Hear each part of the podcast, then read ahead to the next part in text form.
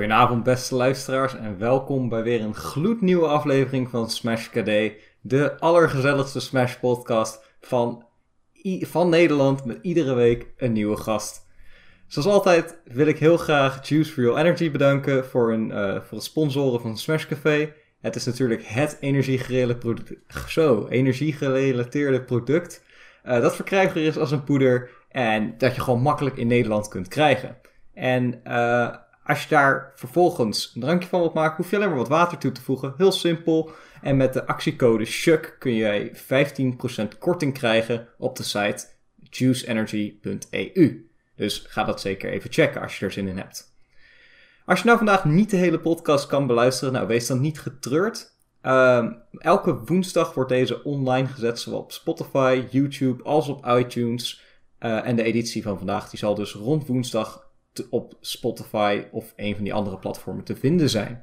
Nou, laten we hopen dat dat inderdaad het geval is. En als je nu in terug het luisteren bent, ook hoor je naar jullie toe. Normaliter zou dit het moment zijn waarop ik mijn co-host introduceer, maar vandaag is het onze gast. Hij heeft namelijk heel veel lijnen lopen binnen en buiten de community en vormt daarbij een soort van spin in het web of een soort van multitool. Daarom leek het mij erg leuk om samen met hem terug te kijken op 2020 en zijn Smash carrière onder de loep te nemen. Het is natuurlijk niemand minder dan onze eigen Dagobert. Man, wat een introductie heb je voor me oplopen bouwen, joh. Heb je uh, flink uitlopen tikken, of niet? Uh... De, verwachtingen, de verwachtingen zijn erg hoog. oh ja, lekker man. Nee, ook voor luisteraars die het nog niet hadden gezien. Um, Chuck, Lars, onze normale host, die is bezig met zijn uh, studie en andere projecten. Dus we hebben nu, uh, voortaan hebben wij onze lieve grote vriend Wouter, a.k.a. Neer, als host hier op Smash Café. En uh, hij gaat het gewoon lekker doen. Ja, en deze keer ben ik, ben ik de gast. We maken er een lekker leuke introductieaflevering van. En dan gaan we gewoon lekker, lekker babbelen over Smash, toch? Ja, en als een soort van hommage aan Chuck hebben we de code op uh, juiceenergy.eu hebben we gewoon Chuck gelaten. Ja. Uh, dus dat, dat, dat, dat, gaan we ook zeker zo houden. Uiteindelijk is hij toch degene die met het idee is gekomen. Maar wij gaan er vandaag mee verder. En Dagobert, voor de mensen die jou wat minder goed kennen, zou je anders kort iets over jezelf willen vertellen vandaag? Yes, nou, ik ben uh, Stijn, oftewel Dagobert. Ik ben 23, kom uit Rotterdam. Uh, ik zit nu in maart drie jaar echt in de community of zoiets. Dus nog niet super lang uh, in mhm. vergelijking met de meeste kopies. Um, voor de rest ben ik vooral gewoon voor mezelf een beetje aan het, aan het gamen. Ik doe een uh, docentenopleiding voor natuurkunde.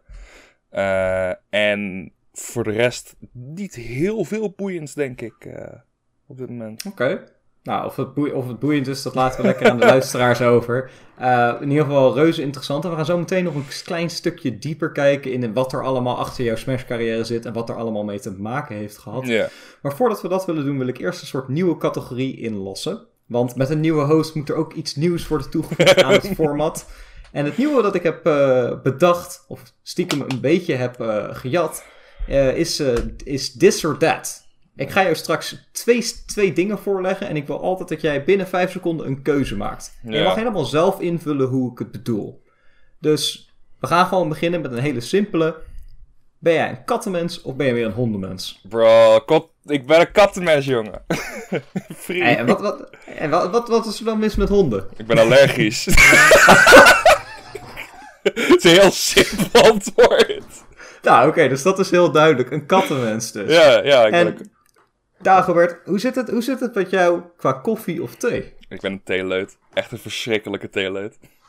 Specifieke smaken die de, die de luisteraars moeten proberen? Oh, ik kan van een, een, een groentje, een groene thee genieten. Maar de beste thee by far is muntthee met gember en honing.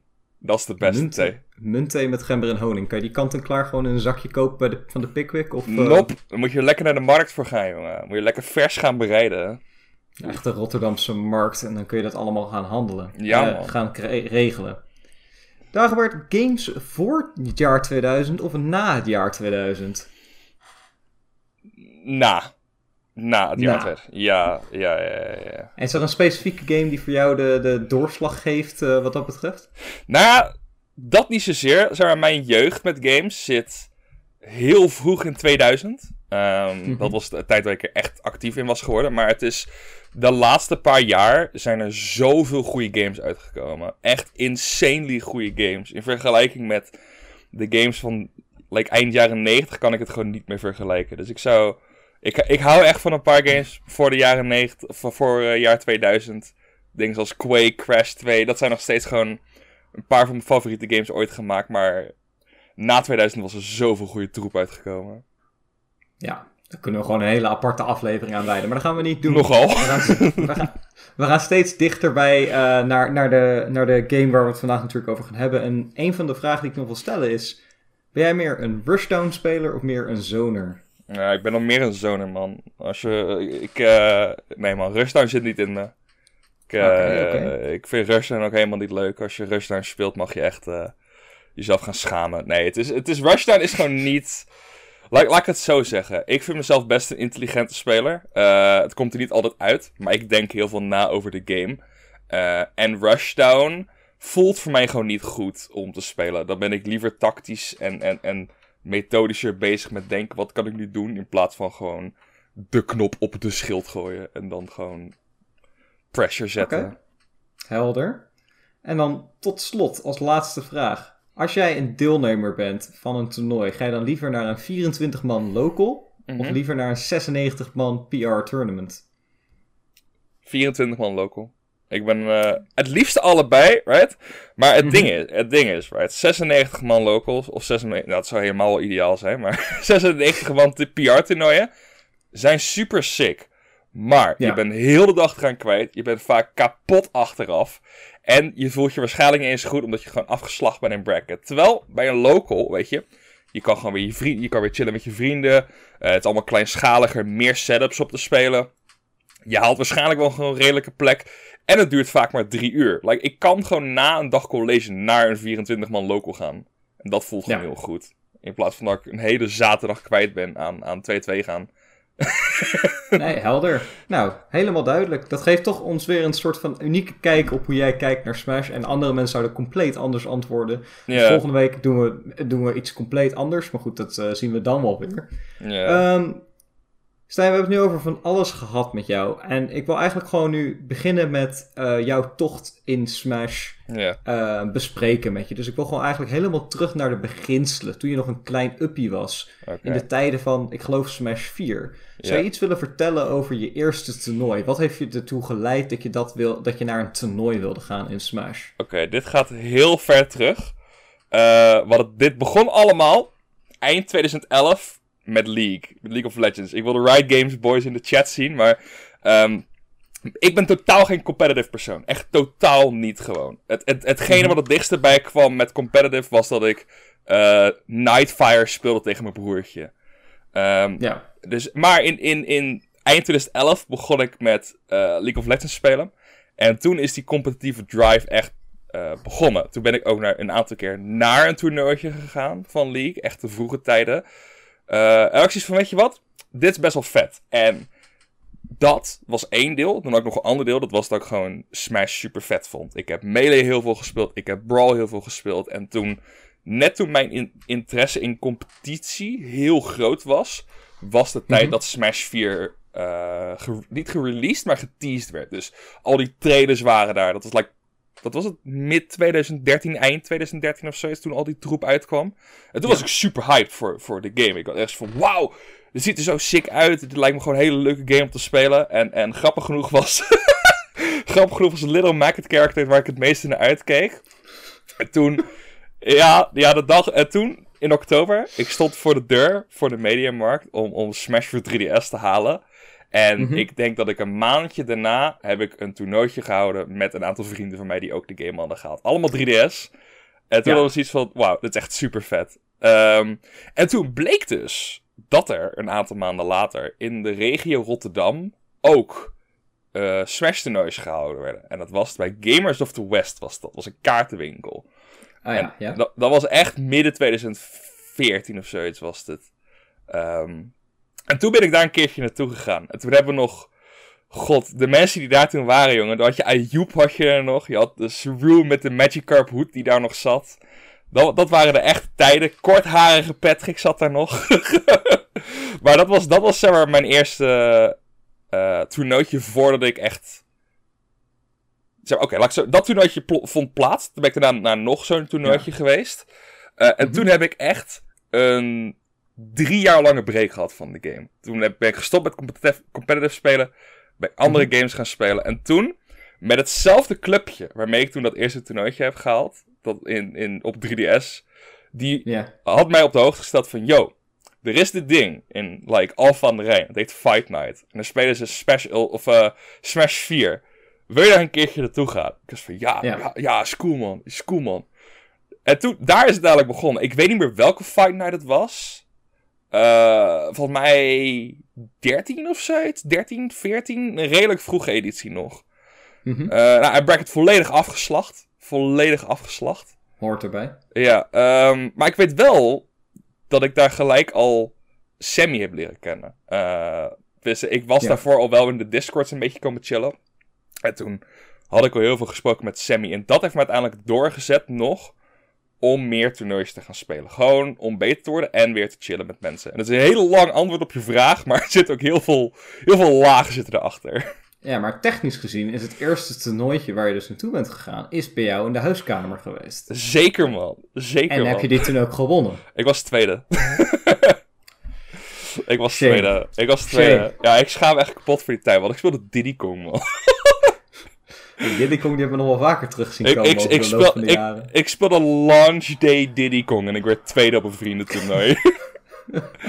oh, ik moet Ja, kapot de- schamen.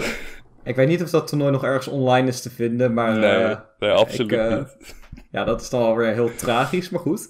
Dus eigenlijk komt het een beetje voort vanuit jouw vrienden, de competitie tussen jouw vrienden en die drie, want je bent dus drie jaar lang ertussenuit geweest. Heeft dat een specifieke reden gehad? Of was het gewoon zoiets van, oké, de toernooitjes hier in Rotterdam, die zijn een beetje opgedroogd en je hebt het niet echt uitgezocht toen? Nou, het was niet zozeer dat, er, dat, dat ik er geen interesse in had. Eh, want rond die tijd, er waren nog een paar Gamers of the West toernooitjes. Je had, eh, voor mij waren de toernooitjes in Zoetermeer, waren er nog steeds een ding. Avalon was dat. Ehm, Mhm. je had nog een aantal andere toernooitjes van Alex daar zo.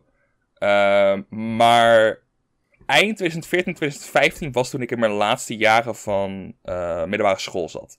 Ehm, en toen heb ik het heel zwaar gehad. Ehm, en toen heb ik echt alles laten vallen wat ik had gedaan. Ah ja, Dus ook Smash. Ik, verstandig. ik moest me echt gaan focussen op mijn studie. Eh, nou, dat heeft niet superveel geholpen.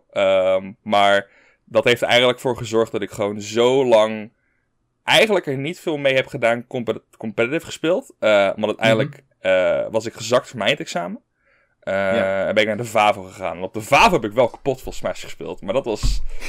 eh, dat was 2016 of zo. Iets was het. Toen begon ik weer Smash te spelen. Maar niet, zeg maar... De studie ging nog steeds voor. En toen, toen uiteindelijk kwam het wel weer een beetje aanglijden. Weet je, weet je ik ga wel eens een keertje proberen. Ik ga wel eens een Ja, keertje proberen. en- En zeker als, je, eh, zeker als je vrienden dan zeggen, joh, eh, bij, E- bij EGA hebben we een leuk toernooitje gevonden. Kijk dan, als jij, en jij ziet van, ah, ik heb er de tijd eigenlijk wel voor. En die vond het vroeger ook leuk. En dan snap ik in ieder geval waarom die, waarom die breaktijd heeft gezeten. Klopt. Uiteindelijk is eh, studie belangrijker dan gamen, moet ik als docent eh beamen. Dus, Ja, moet. maar goed, eh, oké, helder. Dus dat was je eerste toernooi. Ja, en ehm, daarom heb je ook gelijk mijn tweede vraag natuurlijk beantwoord. Want mijn tweede vraag was waarom je naar het toernooi bleef komen. Maar als ik het goed heb begrepen, is dat dus echt eh, ten eerste omdat je toch, toch die competitieve drive eh, lichtelijk had. Maar het ging ook vooral om het chillen met de mensen. Mensen Ja. zoals Sammy benoemde je dan. Klopt. Het, het is eigenlijk een beetje hoe ik het zie. Het zijn twee kanten van een spectrum voor mij. Ehm, of ik focus me volledig op beter worden in de game en de game competitive spelen. Waardoor ik zoveel tijd kwijt ben aan de game serieus spelen dat ik niet echt socialize. Uh, Maar als ik alleen maar aan het chillen ben met mensen en gewoon een beetje aan het, aan het rotzooien ben, dan uh, ben je minder effectief aan het spelen. Um, dus het is voor mij altijd een beetje een balans geweest van waar zit ik nou precies. En zelfs in die afgelopen drie jaar dat ik echt hardcore in de community zit, uh, is dat ook gaan wisselen. Want ik begon heel friendly. En dan is het weer super competitief. En dan is het weer friendly. Nu neig ik weer heel erg naar de friendly kant. Uh, ja. Maar een paar maanden geleden was het weer super competitive. Dus het is een beetje de mix van beide. Um, ja. het, het, is gewoon omdat ik de game nog steeds wel heel leuk vind. Um, want het is, het is letterlijk de enige multiplayer game die ik actief speel. Dus, dus het, het doet wel wat uh, qua multiplayer aspect. Maar het is gewoon. De mensen die ik heb leren kennen motiveren me ook wel om, om door te gaan. Dus ik zou niet zozeer zeggen dat het voor, voornamelijk voor de, de chill sessies was.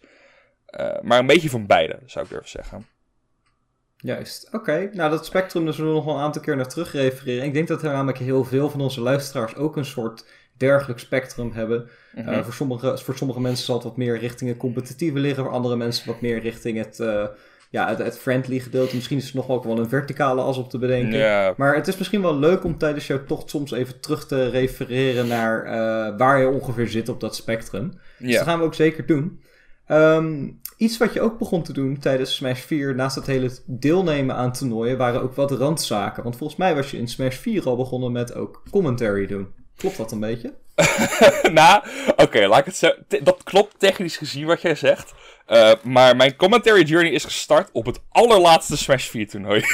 dus, dus... Dan, dan, is het technisch gezien nog steeds Smash 4. Technisch gezien klopt het. Nee, ik, ik, ik had al uh, vaker interesse met commentary. Dat kwam voornamelijk omdat die, die uh, eh, EGA, bij EGA je een commentary booth daar zo'n heel mooi glazen paneeltje. Uh, en ik, mhm. elke keer luurde me dat toch al van, weet je, ik vind het best wel leuk om gewoon een beetje te praten over, over de game. En misschien uh, is het wel leuk. Ja. Maar nooit echt aan toegekomen. En toen bij de, de Final Encore was dat.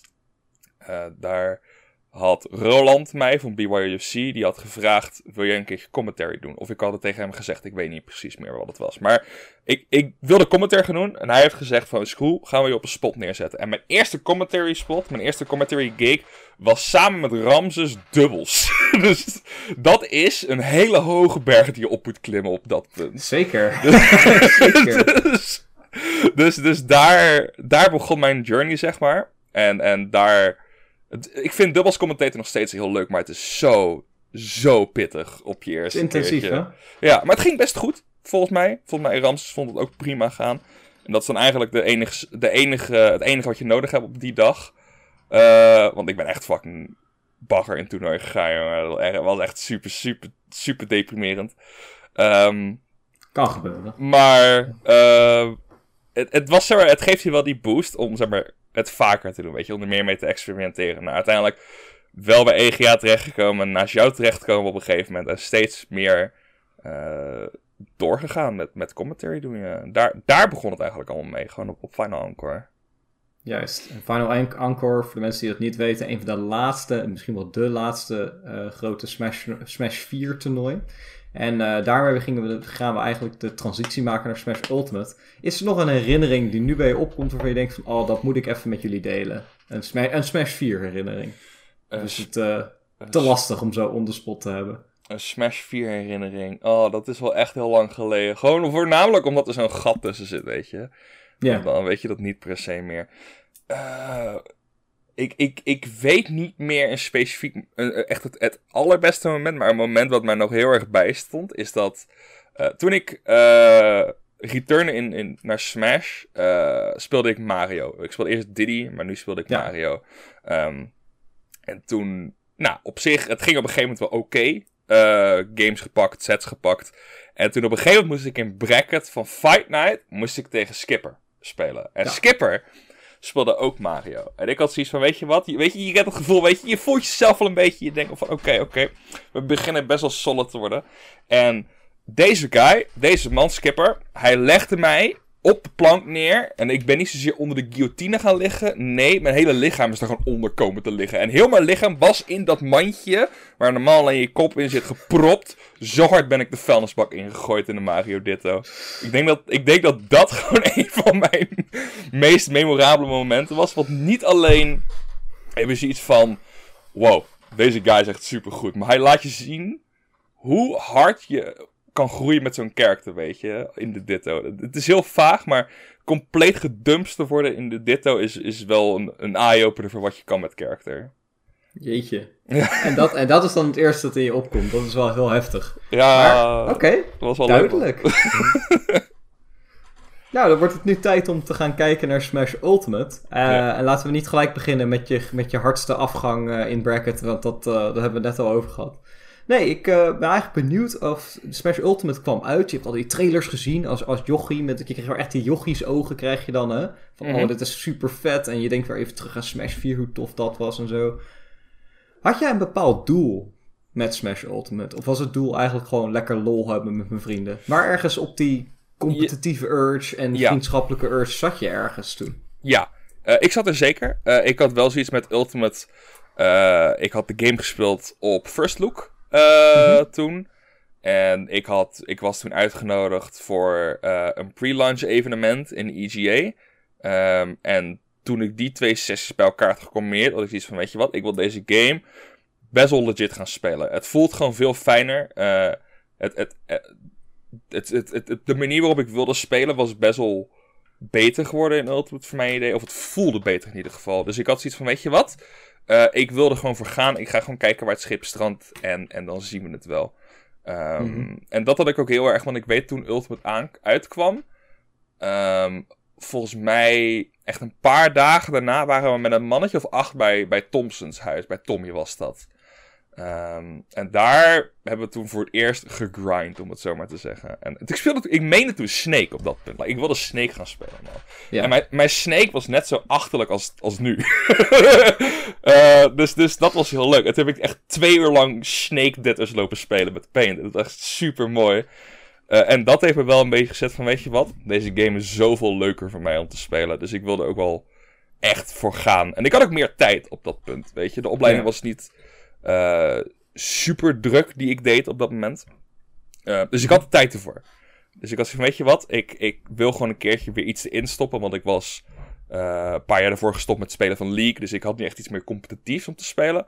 Dus ik had Ja. zoiets van, weet je wat, we gaan, gewoon, we gaan gewoon knallen voor Smash. We gaan het gewoon doen. We gaan gewoon laten zien, joh, deze guy is best wel legit. Waar dat op dit moment is, geen idee. Maar ik wilde er wel in gaan aan het begin, ja. Oké, nou helder. En ja, dan heb je zo'n grind sessie gehad. Had je toen het gevoel dat je een beetje mee kon komen met de oude garde? Want eh, bij, bij Thompson waren er dan spelers zoals, nou ja, die zat, zei on de chat, ah ja, good times. Dus ik neem aan Mhm. dat die er ook bij was. Mhm. Dus waren, en Paint was er volgens mij, speelde die ook wel aardig langs Smash Ja. 4. Ja, Had je het gevoel van, oh, ik kan wel een beetje meekomen op het niveau dat hier wordt gepresenteerd aan mij? nou, ik heb hier een grappig antwoord voor je. Want op dat moment biedde ik Paint in de Snake Ditto. er was een moment waarop mijn Snake beter was dan die van Paint. Eh, het, het was like, we hadden heel veel sets gespeeld, maar uiteindelijk was het like 60-40 voor mij, om het zo maar even in, in verhoudingen te zetten. Dus ik, ik, ik had zien, kijk, tuurlijk, hij speelt ook een nieuw karakter en ik, ik, ik speelde hem gewoon achterlijk. Maar ik had wel zoiets van, weet je wat, het, het, het is er wel aan het komen, weet je. Ehm, Het voelde ook goed. ja, ja, ja, het voelde gewoon heel goed. Het was leuk, maar ik had ook zoiets van, weet je wat, ik, ik sta een kans om dit niet zozeer te winnen, eh, maar gewoon om games te pakken en, en een decent, decent eh, weerstand te bieden. Eh, dus ja, nee, het ging wel lekker, man. Ik had Paint echt best wel een aantal keer gewoon flink gepakt. En hij mij ook wel, natuurlijk, maar... nee, op dat moment ging ik wel mee met de oude garde. En toen gingen we volgens mij Smashdown spelen en ging het helemaal mis. Maar dat heb je altijd. Ja, maar Smashdown, dan gaat het brein ook uit en dan gaan we gewoon lekker gekke dingen doen. Hartstikke goed. Ja, man. Funnies worden gehouden. Juist, dus jouw doel, als, eh, jouw doel in dat spel was wel echt om eh, goed de competitie eruit te halen, echt voor het maximale te gaan. Eh, hoe dat later strandt, hebben we het nog wel eventjes over. Ook ben je veel side-projecten erbij gaan doen tijdens Smash Ultimate. Je hebt een Ja. aantal trailers gemaakt voor verschillende toernooien. Mhm. Je hebt veel gedaan voor BYOC. Ik heb video-editing gegaan. En op een gegeven moment werd je, ja, werd je toch wel gezien als een van de, eh, de funny guys van de community. Hoe, is hoe is dat pad een beetje voor je uitgekerfd? Laten we beginnen met BYOC. hoe ben je daar een beetje terechtgekomen? Oké. dit, stukje, zeg maar. Het is allemaal de meest random troep gewoon hoe het allemaal gebeurd is. Oké, BYOC.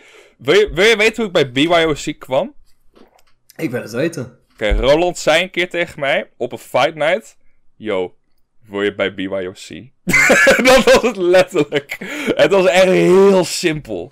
Het was letterlijk van, hij wist wat voor werk ik had gedaan. Eh, ik had toen volgens mij al trailers gemaakt voor, voor eh, een paar evenementen. Ik had toen volgens mij die trailer voor Yggdrasil al gedaan, geloof ik. Eh, Klopt. Ja. maar Roland had toen tegen mij gezegd van ja, eh, ik vind je wel een chille guy, weet je, je werkt hard.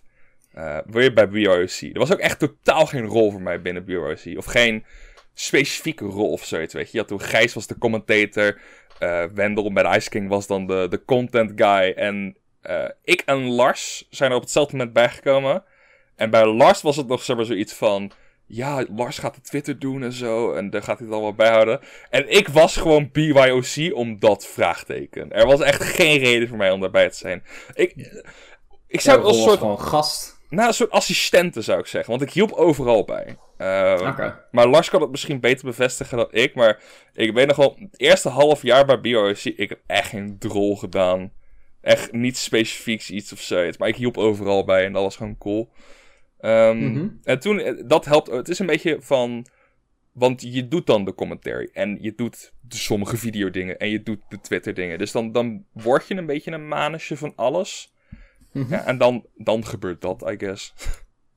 Oké, nou ja, prima toch? Dus Ja. toen op een gegeven moment was het BYOC Dagobert, maar eigenlijk zeg je zelf ook al van, mijn rol was niet gelijk duidelijk. Was er een bepaald punt waarop je denkt van, oké, nu, nu ben ik al echt iets bezig met iets doen voor onze groep? Of is dat, is dat altijd een beetje zo gebleven, dat je het gevoel had van, ah ja, ik ben hier ook een beetje om, eh, om mooi te zijn, om maar even zo te zeggen. Nou, dat niet zozeer per se. Kijk, ik vind het sowieso lastig om mezelf in te delen op dat soort dingen. Eh, want Mhm. kijk, ik, ik heb zoiets van, we doen het met z'n allen uiteindelijk. Eh, en dat heb, waar. ik, dat heb ik tot de dag van vandaag, heb ik dat heel erg. Ehm, een paar mensen weten het waarschijnlijk wel, maar ik heb best wel, best wel hevige last van eh imposter syndrome. Ehm, en wat dat betekent is dat de credit die mensen aan mij geven, vind ik niet dat ik die verdien. Of de mensen die zeggen dat ik dit doe, dat ik deze rol vervul en dat ik dat goed doe, dat, dat, dat kan ik niet accepteren. Dat is gewoon heel moeilijk. Eh, en Ja. daardoor is het bij BYC ook altijd zo geweest van ja, weet je, ik zit hier gewoon om dingen te doen. Het is niks bijzonders. Eh, ik vervul niet echt een rol of zoiets. Juist. Ehm, terwijl uiteindelijk eh, ben ik heel lang actief gebleven voor BYC. Heb ik meerdere Net series toen ook gehost. eh, ondanks de, de troep PC die ik toen had. Ehm, en was, het was meer van. Je kon vrijwel altijd wel op me relyen, maar ik, ik wist gewoon nooit wat ik. eh, wat voor rol ik vervulde. En ik vind het ook lastig om mezelf in dat plaatje te plaatsen. Want BR BRC is een goat, man. Like, binnen Europese Smash zijn het de goats. En dan heb ik zoiets van, ja, Mhm. hoe kan ik hier eh, solide voor mezelf een, mezelf een plekje in geven? En dat, dat vind ik gewoon lastig. Dus en daar, Juist. dat op zich kan ik niet echt een antwoord geven op je vraag. Maar ik- misschien begrijp je al waar mijn gedachte Ik- in zit. Ik begrijp je 100%. Ik denk dat manusje van alles een hele mooie eh, term is om jezelf te beschrijven. En ik bedoel, eh, dat is, zulke soort mensen heb je ook gewoon nodig. Die overal een klein beetje wat bij in, inspringen of die altijd klaarstaan om ergens te helpen. Dus dat- dat is gewoon heel goed. Nou, we hebben natuurlijk best wel veel over BBOC gepraat. Nou, mocht je daar meer over willen eh, horen. Er is in het verleden is er ook een podcast opgenomen met Roland van BBOC. Met Yes. Chuck. En daar raad ik je ontzettend aan om daar nog even naar terug te luisteren. Ehm, maar goed, oké. BYOC was je dus mee bezig. Video-editing.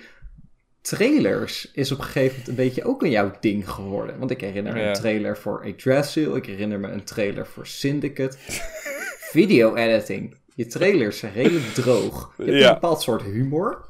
Klopt. Maar laten we beginnen met hoe, hoe, komen, eh, hoe komen mensen erbij om jou te benaderen voor die trailers? Ja, ehm shitposting.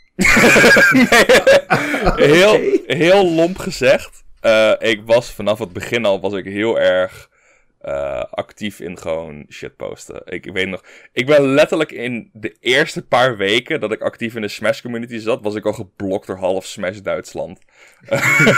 door sommigen tot de dag van vandaag. Like, ik ben nog steeds geblokt door Robin GG. dus Twitter. Ik, heb, ik heb nooit met die vent geïnteract, maar ik ben nog steeds geblokt daardoor. Ehm, en dat kwam omdat ik gewoon. Ik was heel snel in iets omzetten naar een, een video of iets in die geest. Er was toen Mhm. een. eh, toen Muk. zat in de voicecast vroeger met Muk. En zijn headset had een geluidje. Dat, dat was af en toe gewoon een hele harde zoom, was dat. En ik had er een video van gemaakt van, eh, van Q Music, Music, het geluid, weet je. En dan hoor, dan hoor je die zoom, zeg maar. En dat, dat was ik dus constant aan het doen, gewoon. Gewoon dat soort troep, gewoon. En op een gegeven moment zien mensen ook de andere kant van dat. Want ondanks het feit dat ik geen opleiding heb gehad in videobewerking, geen echte ervaring heb in videobewerking, heb ik wel een redenatie achter dingen die ik doe. Zelfs met, met echt troepvideo's zoals die van Syndicate. En daardoor, eh, ik weet niet het, het, het, ik weet niet precies hoe Muk erbij kwam, maar Muk was wel degene die mij voor mijn eerste trailertje vroeg. Mhm. Ehm, En ik weet niet eens meer voor welk evenement. Was voor, voor God. Ehm hoe heette dat evenement nou? Iets met twee. Uh, maar, maakt niet zo heel veel uit. Maar dat was een trailertje voor een Smash 4 evenement. Uh, en daar had me ervoor gevraagd van, yo, wil je dit even doen? Zonder betaling. Ik weet niet eens meer welk evenement het was. Echt niet. Ik ben Iets met twee. Daar hebben we helemaal niks aan. Ja, jij weet het waarschijnlijk wel, want jij hebt je research gedaan waarschijnlijk. Maar, maar... Zeker niet. Oh, wacht. Ik, ik, ik vind het nu wel heel erg hoor. Oh, um, um, um, YS2 was het volgens mij. YS2, oké. Het, het, was, het was... Um, en daar had ik toen een trailertje voor gemaakt. En was echt een super simpel trailertje. Super simpel trailertje. Oh, nou, nee, YS... Ja, ik weet niet eens meer. Nee, weet je wat? Ik ga het nu half live uitzoeken. Maar... Ja, ik wou net zeggen, dit is wel iets leuks om, om voor mensen om terug te kijken later. Elysium 2. Was het Elysium 2? Was het gewoon Elysium? Ja, het was volgens mij Elysium 2 inderdaad. Ja, ja, ja Elysium 2 was dat. Ja, ja. En daar had ik toen een trailer voor gemaakt. En het was echt super simpel. Het was letterlijk gewoon ik die dingen op maat edit. Um, daar een cool muziekje achter zetten. En dat was het. Nou, dat ging op zich wel prima. Uh, Toen ben ik uiteindelijk... Daar begon het. Toen ben ik voor uh, Yggdrasil ge gevraagd ik vind nog steeds dat dat een van mijn, mijn betere werken is. Ondanks dat er echt nog wel uh, werk aan de winkel was, om het zo maar te zeggen. Maar uh, daar, ik vond die heel vet. Ik, qua concept vind ik hem nog steeds heel vet. En toen uh, kwam niet zozeer nog een trailer, maar toen kwam wel weer een ander dingetje uit de hoek kijken. Oh ja, dat was ik helemaal vergeten te zeggen. Een ding waar ook nog wel bij kan kijken is dat, dat uh, je had de Game Mania E3 Viewalong was dat. Dat was een evenement van Game Mania. Ehm, wat georganiseerd werd nadat ik het half de wereld in heb geshitpost. Daar neem ik de credit voor. Uh, maar daar had ik een video voor gemaakt. Uh, een hele simpele, stomme video. Die is toen echt opgeblazen. Um, dat werd opgepikt. En daar, daar, dat was zeg maar de, de, de beta van de domme video. Om het zo noem ik ze maar even. De domme video. Uh, En dat is toen met nog een Game Mania event uitgepakt, pre-launch. Uh, toen had ik er ook een video voor gemaakt. Uh, en dus ik had zeg maar. Begin Smash Ultimate had ik alle twee mijn stijlen van video al laten zien. En toen is het een beetje komen rollen. want toen heb ik uiteindelijk de trailer voor Lightning 3 gedaan. wat ik nog steeds mijn beste trailer vind, by far. Um, puur en alleen hoe het in elkaar zit. Ik vind het nog steeds het beste. En, en toen toen kwam Syndicate. En Syndicate is echt mijn blow point geweest. Want die Syndicate video is zo mokerhard gegaan gewoon.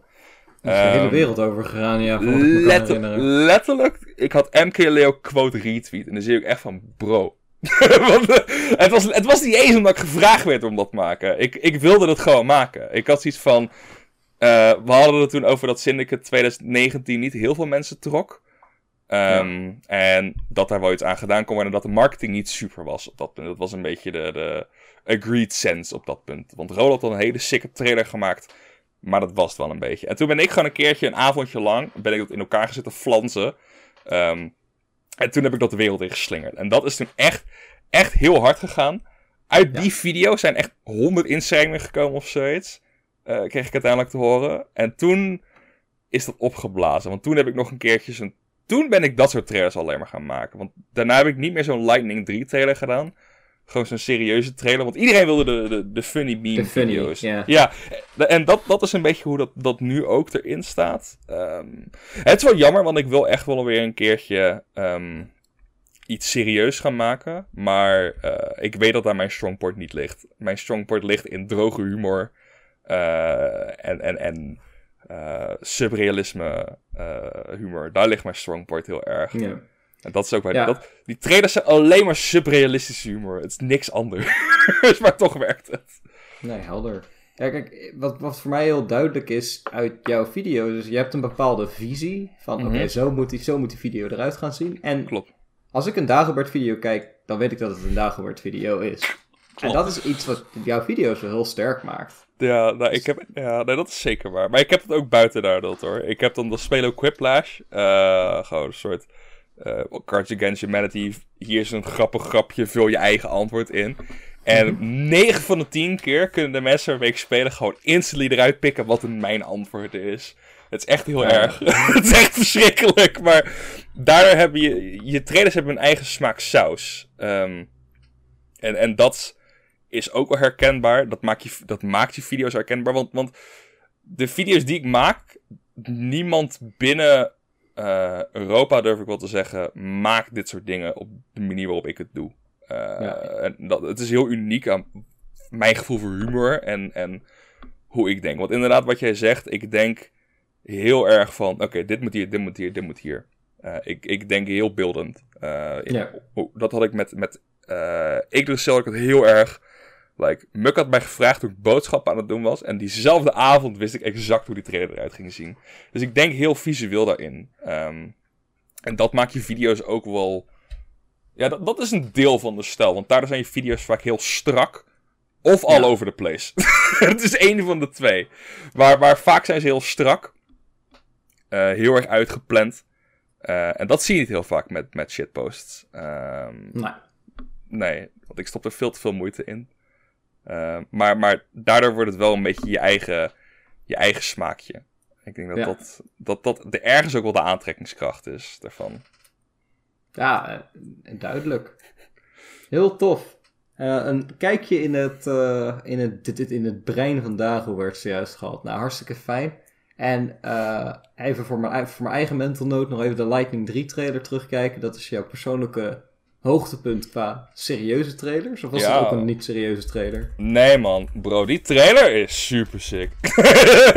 ja, dus die gaan we sowieso nog een keertje terugkijken. En we gaan kijken of we die Elysium 2 trailer nog een keertje terug kunnen vinden. Want nu ben ik al echt reuze benieuwd naar, naar hoe dat eruit heeft gezien. Maar we'll find out. Ja, die, die staan nog wel op YouTube volgens mij. Uh, ik weet niet, ik heb de links hier niet liggen, maar ik kan ze zo Ik ook niet. Ik, zat, ik, zat, dus, ik zat al te zoeken op Elysium 2 Smash 4 trailer, maar Elysium is blijkbaar ook een, uh, een uh, film geweest. Het is een, het is een, een oud Grieks gebouw.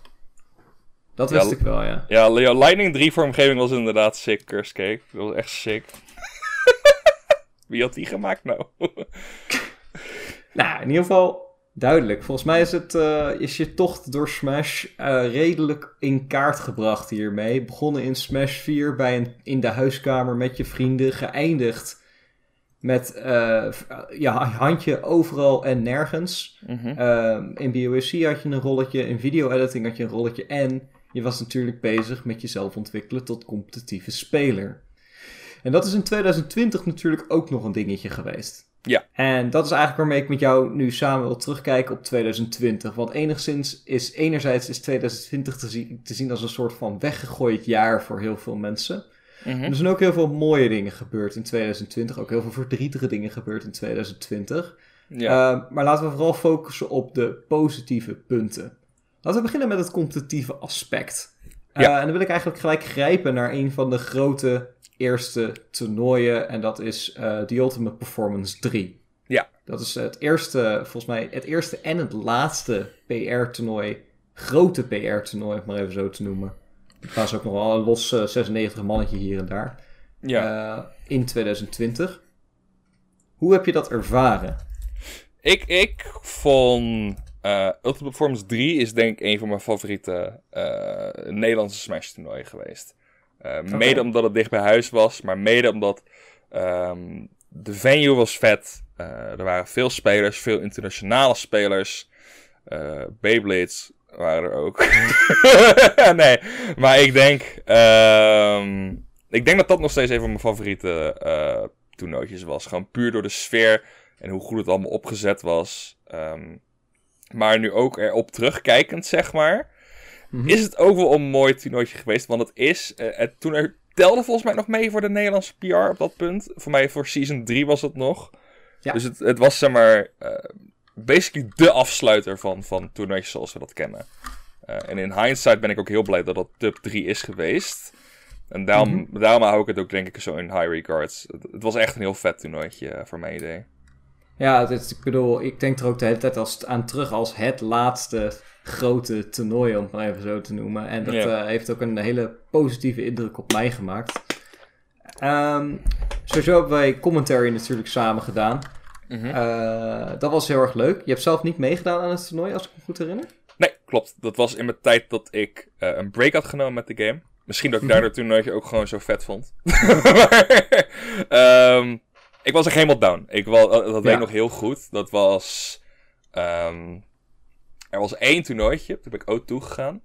En toen, toen ben ik echt far down gegaan, man. Echt far down. En toen heb ik gezegd, ik ga stoppen met de game. Mhm. Gewoon totdat ik me weer goed gevoel.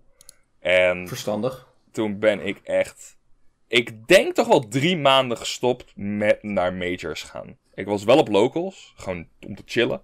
Maar ik ben niet meer naar majors gegaan. Uh, voor echt maanden gewoon. Mm dus, en dat, dat helpt denk ik ook wel met naar zo'n toernooitje kijken. Want het is gewoon, je gaat een beetje kijken bij mensen, je gaat een beetje chillen, een beetje friendly spelen, een beetje commentary doen voor top 8, waar ik toen volgens mij op dat moment pas achter kwam. Of was het, tip, was het tip 2? Volgens mij was, het tip, volgens mij was het tip 3, waarop je het pas op de ochtend zelf achterkwam. Ja, ja, dat is wel een mooi... Dat was, dat was wel een mooi inderdaad. Oké, voor de mensen die dit verhaal niet weten, ik hou van dit verhaal. Maar basically, ik was... Uh, Virgil, de toernooiorganisator van het toernooi, had mij gevraagd... Yo, uh, wil je commentary doen? En ik had gezegd, sure, ik vind best. Ik ben er niet op te spelen, maar ik wil best commentary doen. En ik had nooit een commentary schedule gekregen. Dus ik had zoiets van, weet je wat, ik ben het vast niet geworden. Uh, ik zag, van mijn Ramses was er ook, jij was er. Dus ik had zoiets van, nou, jullie doen waarschijnlijk de top 8. Uh, eh, en ik ben daar gewoon om te chillen. En ik kom daar aan. Volledig bewildered gewoon. Ik wist niks. En op een gegeven moment, Wouter komt naar me toe. Ja, heb jij al voorbereid op, op de top 8? Ik zei, bro, was anderhalf uur van, was anderhalf uur van tevoren of zo, het was dat. Zo, bro, moet ik top 8 doen? ik was ook jij was helemaal je nette bluesy, gewoon een beetje zoals dit zat je daar. En ik had gewoon een, een random even shirt aan, gewoon met een printje erop. En dat was het. Maar ik, ik zat er echt van, oh god, oh god, nu moet ik allemaal research gaan doen. Toen hebben, toen we hebben volgens mij echt in een half uur tijd echt super veel notities bij elkaar weten te rapen met z'n tweeën. En toen die top 8 maar gewoon gerockt gewoon, jongen. dat was, een hele, was echt een steengoede cast, was dat hoor. Daarom, maar dat was ik was echt super onvoorbereid. Maar maakt niet uit, who cares. Maar misschien, misschien hielp het ook wel dat je gewoon niet had meegedaan aan het toernooi. Zodat je mentale, uh, zeg maar, dat je hersenen nog uitgerust waren. Dat je je volledig kon focussen op wat je op dat moment aan het doen bent. Klopt. Je levert natuurlijk een hele andere soort cast als je daarvoor uh, vijf sets in bracket hebt gespeeld, als wanneer je dat niet hebt gedaan. Klopt. Ik vind uh, na bracket commentary doen vind ik ook helemaal niet leuk eigenlijk. Um, het, is, het is heel pittig. Het ligt ook, zeg maar, omdat uh, na bracket kan het heel wisselvallig voelen hoe je je voelt. Um, ik weet nog wel, en dit toernooitje zal waarschijnlijk later ook nog wel komen, maar dat was bij, bij, bij heel erg. Uh, bij Beard was ik gevraagd voor commentary. Ik had nog niks doorgekregen van Virgil, want ja, of uh, van, van, van Badder. Uh, wanneer ik moest zijn, maar had, ik werd gevraagd voor commentary. En ik had gezegd, ja, is cool, vind ik chill. En toen was ik gaan spelen. En um, ik speelde die dag best prima. Ik speelde die dag best wel nice. Um, maar toen moest ik uiteindelijk tegen Joe voor top 16, geloof ik. Um, en ik had 2-1 last hit van Joe verloren. Uh, en dat, dat voelt pijnlijk, man. Dat voelt pijnlijk. Weet je, je, yeah. je speelt zo goed. Joe popte letterlijk off tegenover mij. En heb je zoiets van, ah, man, ik voel me echt Dan, dan zit je daarmee in je hoofd, weet je. Hoe kalm, hoe robotisch je ook kan zijn. Dat blijft ergens zitten. En dan op een gegeven moment zit je mhm. er zo erg mee. Dat je dan al weet, oké, ik ga nu niet een commentary uh, sessie kunnen voorzien zoals ik dat normaal van mezelf gewend ben. Uh, en dan, heb ik, dan heb ik ook gezien van, ja, sorry jongens, het gaat me gewoon niet lukken. Kijk, het hielp ook wel dat ik nog niet ingepland was. Dat wil ik ook nog wel zeggen. Maar um, daarom maken dat misschien die top 3 commentary sessies zoveel chiller. Omdat ik gewoon niet hoef na te denken over... Oh, ik heb nu van deze guy verloren. Of oef, ik ben echt moe van bracket. Maar het was gewoon... Yo, um, ik ga gewoon commentary doen hier. En dat is het gewoon. Ja. Weet je wat ook nog wel cool was aan Tub 3, nu we het toch over hebben? Tub 3 was, toen in, Tub 3 was toen in het AD gekomen, jongen. Oh ja, dat is waar ook, ja. ja, ja, dat klopt. Ja, ja, ja, dat was wel leuker. Het was uh, nationale newspaper, baby. Let's go. Zeker, dat is ook nog wel een leuk uitstapje dat we zo meteen gaan maken. Ik wil nog even teruggrijpen op, jouw, uh, op jouw, uh, ja, jouw as, om maar even zo te zeggen. Van uh, hoe competitief of, of, dat je meer komt voor de, voor de gezelligheid.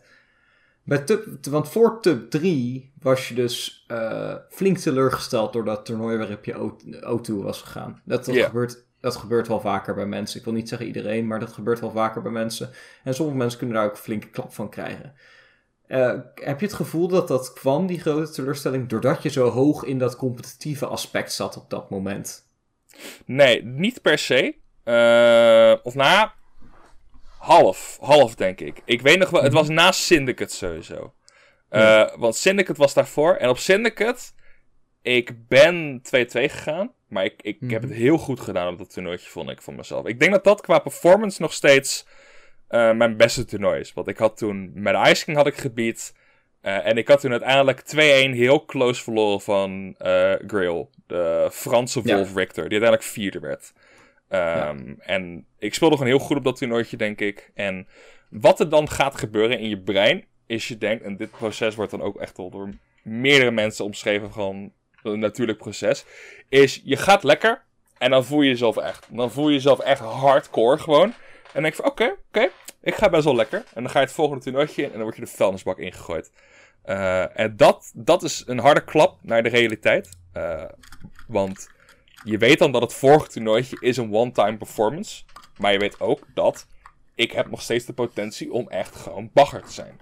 En ja. dan zit je iets meer in het competitieve, uh, in de competitieve drive. Maar het was dan meer dat ik zoiets had van, weet je wat, ik ben best wel prima in deze game. Ik vind het best wel leuk om op deze manier te spelen. En gewoon tevreden te zijn. Dan hoef je niet per se competitief super hardcore te zitten. Maar je wil gewoon tevreden zijn met wat je doet. En dat is dan iets meer competitive, maar niet 100% zou ik durven te zeggen. Uh, en dat gebeurde niet. En toen had ik echt zoiets van, weet je wat, ik uh, ben veel te emotionally invested in dit. Um, misschien was ik daardoor onbewust te ver gegaan op die schaal. Um, ik ga voor drie maanden lang alleen maar aan deze kant van de schaal zitten en dan zien we waar het schip strandt. En ik denk uiteindelijk dat het me heel goed gedaan heeft, maar het is wel... Ja, uh, ja daar is veel geschoven inderdaad. nee, oké, okay, helder. Dus stap 3, lekker gefocust op gewoon genieten van de sfeer. Uh, heeft je veel goed gedaan, goede commentary session gehad. Maar we moeten daarna verder. Dus ja, rond die tijd vermoed ik dat jullie, uh, dat jij samen met uh, YYZ mm -hmm. bent begonnen met het plannen voor Atlantis. Een toernooi dat gehouden moest gaan worden in de H2O eSports Arena. Ja, ja die, die fout, het is H20. Dat is, het is H20. Heel, het is echt heel, ja, ik heb die fout ook gemaakt, maar dat maakt niet uit. Um, volgens mij was het daarvoor al in de planning. Uh, okay. Want ik weet dat er best wel veel uh, ik weet niet meer wat de exacte datum was, maar volgens mij zijn we daar begin 2020 mee begonnen met het plannen daarvan. Mm -hmm. um, en toen uiteindelijk. Ja, ik weet het zeker, want ik weet nog wel toen ik de originele call ervan kreeg, stond ik buiten en het was stervenskoud. Dus rond, die, rond like, um, begin 2020 waren we daarmee begonnen. Ja. En uh, voor de mensen die dat fossiel niet hebben meegekregen. Um, Atlantis was uh, een toernooitje van eSports Club, uh, Juice en YYZ en Muk samen. Uh, als TO's. en dat moest dan in een H20 eSports Arena plaatsvinden. Dat was een hele grote eSports venue. Um, daar hadden we dan 128 man Smash toernooitje. Wilden we Europees marketen. En dat uitgroeien op een gegeven moment naar een 512 man toernooi. dat was ons doel voor Atlantis. Met de mm -hmm. eerste editie in midden april. Um, en uiteindelijk is dat idee gekomen uit um, een ambitie van eSports Club om niet alleen uh, een community in, en een game in beeld te brengen, maar ook om iets te doen daarvoor. Dus niet alleen maar de community in, in, in beeld brengen, uh, maar ook toernoois organiseren. En dat hadden we nog niet eerder gedaan. Uh, dat was ook best wel pittig. Maar we wilden op een gegeven moment die stap gaan zetten. En lom gezegd, Smash was het makkelijkst bereikbaar en het cheapst. Want, want een gemiddeld toernooitje is veel duurder dan, dan een Smash toernooitje. Okay. Het, het, is echt veel duurder. Als je kijkt naar... Ik weet nog heel goed, ze hadden een Rainbow Six Benelux eventje uh, in EGA. En EGA staat bekend als echt bottom tier trash voor Smash events. Maar ja. dat event was super veel geld ingestoken. Er zaten hele mooi. Was er uniek decor was er gebouwd. waren dure commentators ingevlogen. Um, en dat was een regional final. Weet je, dat is een regional final voor Rainbow Six. En dan ga je mm -hmm. kijken naar een PR-toernooi hier. En dat is Eh, als ik tip 3 even neem, het is in een dansclub georganiseerd door drie vrijwilligers. Ehm, Ja. En dat is gewoon iets heel anders. Dat is een heel ander niveau. En stel, je wil dan een toernooitje organiseren voor een game. Je weet niet hoe goed het gaat uitpakken, maar je wil wel eh, het proberen, right? En als jij, stel je zou beginnen, want eSports Club was toen ook heel erg in Fortnite. Stel je zou beginnen met het organiseren van een Fortnite toernooitje, right? Ja. Dat kost klauwen met geld. Want niet alleen moet er, wordt er een bepaalde professionaliteit verwacht, maar die mensen verwachten ook gewoon veel prijzengeld, verwachten een hoge productiekosten. En dat is voor een eerste keer gewoon niet slim. Dus we wilden gewoon een goed Smash toernooitje nu organiseren. We hadden de connecties al. Ehm, dus dat was gewoon een solid eh, pilot, om het zo maar te zeggen. En dan gingen we wel kijken Ja. waar we naartoe gingen via dat. Nou, uiteindelijk bleek dat dus nergens te zijn. Maar dat was wel de, de, de, de intentie om erachter te komen. eh, of om, Ja. om, om dat te doen. Dus 128 man als eerste editie en dan uitbouwen naar 512 Europees in Ja. Purmerend. Eh, dat, was, dat was een beetje de ambitie, als ik Ja, het man. Ja, man. We wilden er echt wat Tof. van maken. Jammer alleen dat dat natuurlijk niet echt een ding kon worden. Want toen kwamen we in die nare eh, ja, lockdown-periode. De eerste lockdown. We zitten nu ergens in maart van 2020. En toen begonnen alle hopen en dromen een beetje eh, onder water te gaan. Want toen bleek dat eh, coronavirus, dat bleek toch wel ietsje heftiger te zijn dan dat we hadden verwacht. Ja. Alle toernooien per direct gestopt Mhm. als ik me goed herinner. Ja. En ehm, ik geloof dat het 18 maart was dat dat werd aangekondigd. Mhm. Nee, Diezelfde- nee. Is, eh, Oh. 15 maart wel. 15 maart. 15 maart. Nou, diezelfde week van 15 maart hadden we volgens mij nog een online toernooi georganiseerd vanuit eh, PGK. PGK, dat is de, de, ja, het soort welkomstkanaal voor de Nederlandse Smash community. Tenminste, dat is het nu. Eh, Mhm. ehm, PGK Lockdown. Mhm. Daar had jij niet echt een handje in, eh, volgens mij, als ik me goed herinner. Nee, nee, ik heb er heel weinig mee gedaan, eigenlijk. Nee.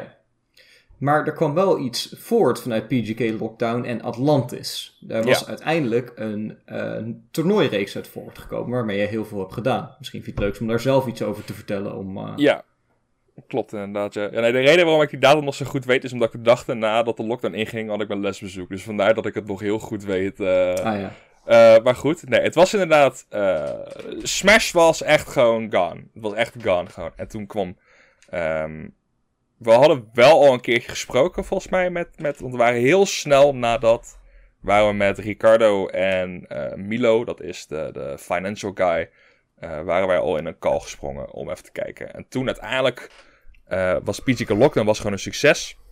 En toen hebben we gezegd, met Net Battle Series in ons achterhoofd. En het succes van dit willen wij een weekly eh, Smash Ultimate Online toernooitje neerzetten.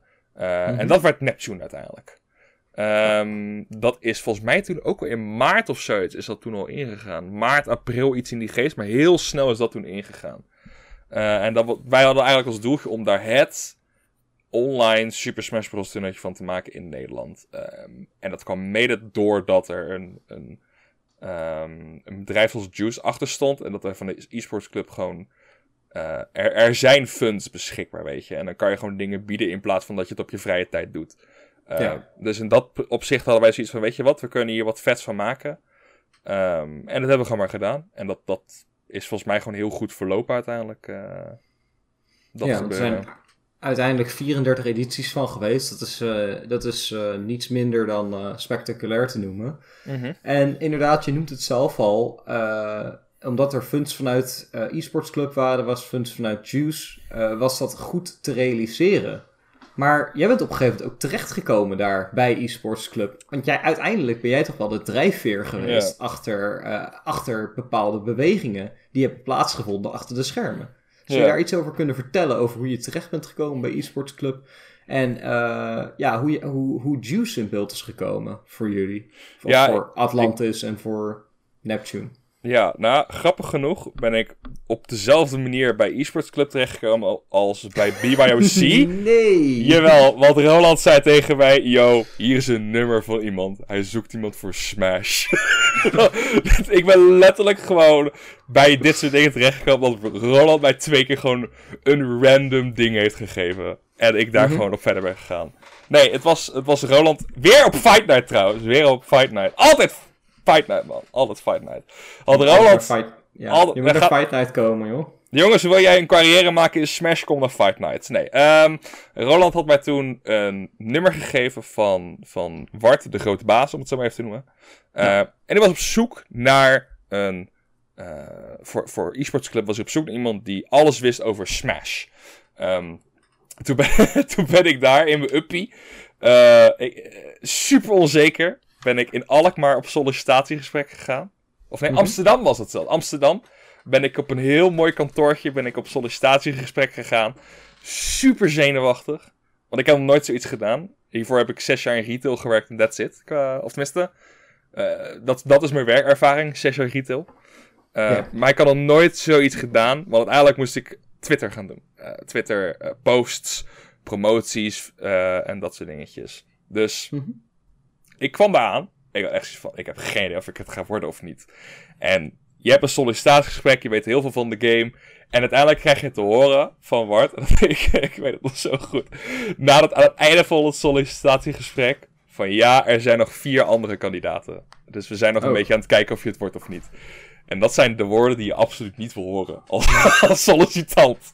Van ja, er zijn nog vier andere guys. Eh, en ik had echt zoiets van, bro, ik scheid in mijn broek, jongen. Want eentje daarvan ehm, was experienced op dit front. Die was experienced. Die was experienced in fighting games. Was heel erg bekend. eh, was ook vaker actief op social media dan ik dat was op dat punt. Eh, dus ik had echt iets van, ja, weet je, ik ga alweer terug naar de Hornbach waar ik destijds werkte. Ehm, en ik ga wel gewoon zien waar dat komt. Eh, en toen Ja. uiteindelijk kreeg ik een belletje van hem dat ik het geworden was. Ik had echt zoiets van, bro, ik heb echt geen idee wat hier gaat gebeuren, man. Ik heb nu gewoon... Ik, ik heb nu een, een, een kleine deeltijd carrière in Smash, technisch gezien. Ja, Eh, en dat het is is een van de heel- weinigen. het, ja, en het is super weird. Week daarna ontslag genomen van mijn baan. Eh, een week daar gewoon gaan werken. Ehm, en het is heel weird. Het is echt heel weird dat ik weer door een random telefoontje van Roland. Of een, een telefoonnummer van Roland bij iets terecht ben gekomen. Ehm, Maar, en zeker omdat er andere mensen waren. Het voelt nog steeds, zeg maar, alsof er een soort gok was, you know? Weet je, van, van hmm, deze guy kan wel, maar ik, deze guy zie ik de potentie van in, weet je. Het voelt zeg maar niet alsof je gekwalificeerd hebt voor de job, want ik was totaal niet gekwalificeerd voor de job.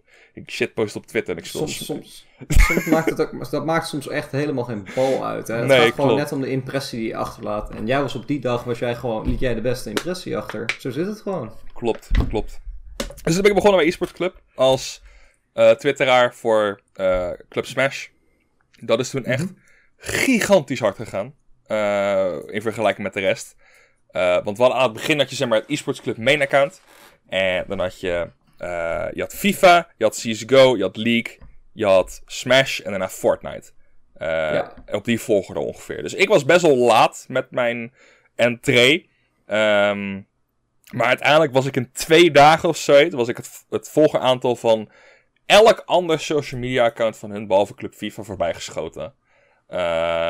Ik had echt binnen een dag of twee had ik 100 volgers of zo op, op Twitter en 50 op Instagram of zoiets. Ja. en Het is niet heel veel, maar voor iets wat gewoon puur uit de grond komt te poppen, eh, Ja, is het best hard. is. Ja. Is, is best hard. Ehm, uiteindelijk is het nog steeds. Of weet het? Het is namelijk best wel uitgegroeid. Ik was het tweede account naast mijn account wat eh, de 500 volgers had gehaald.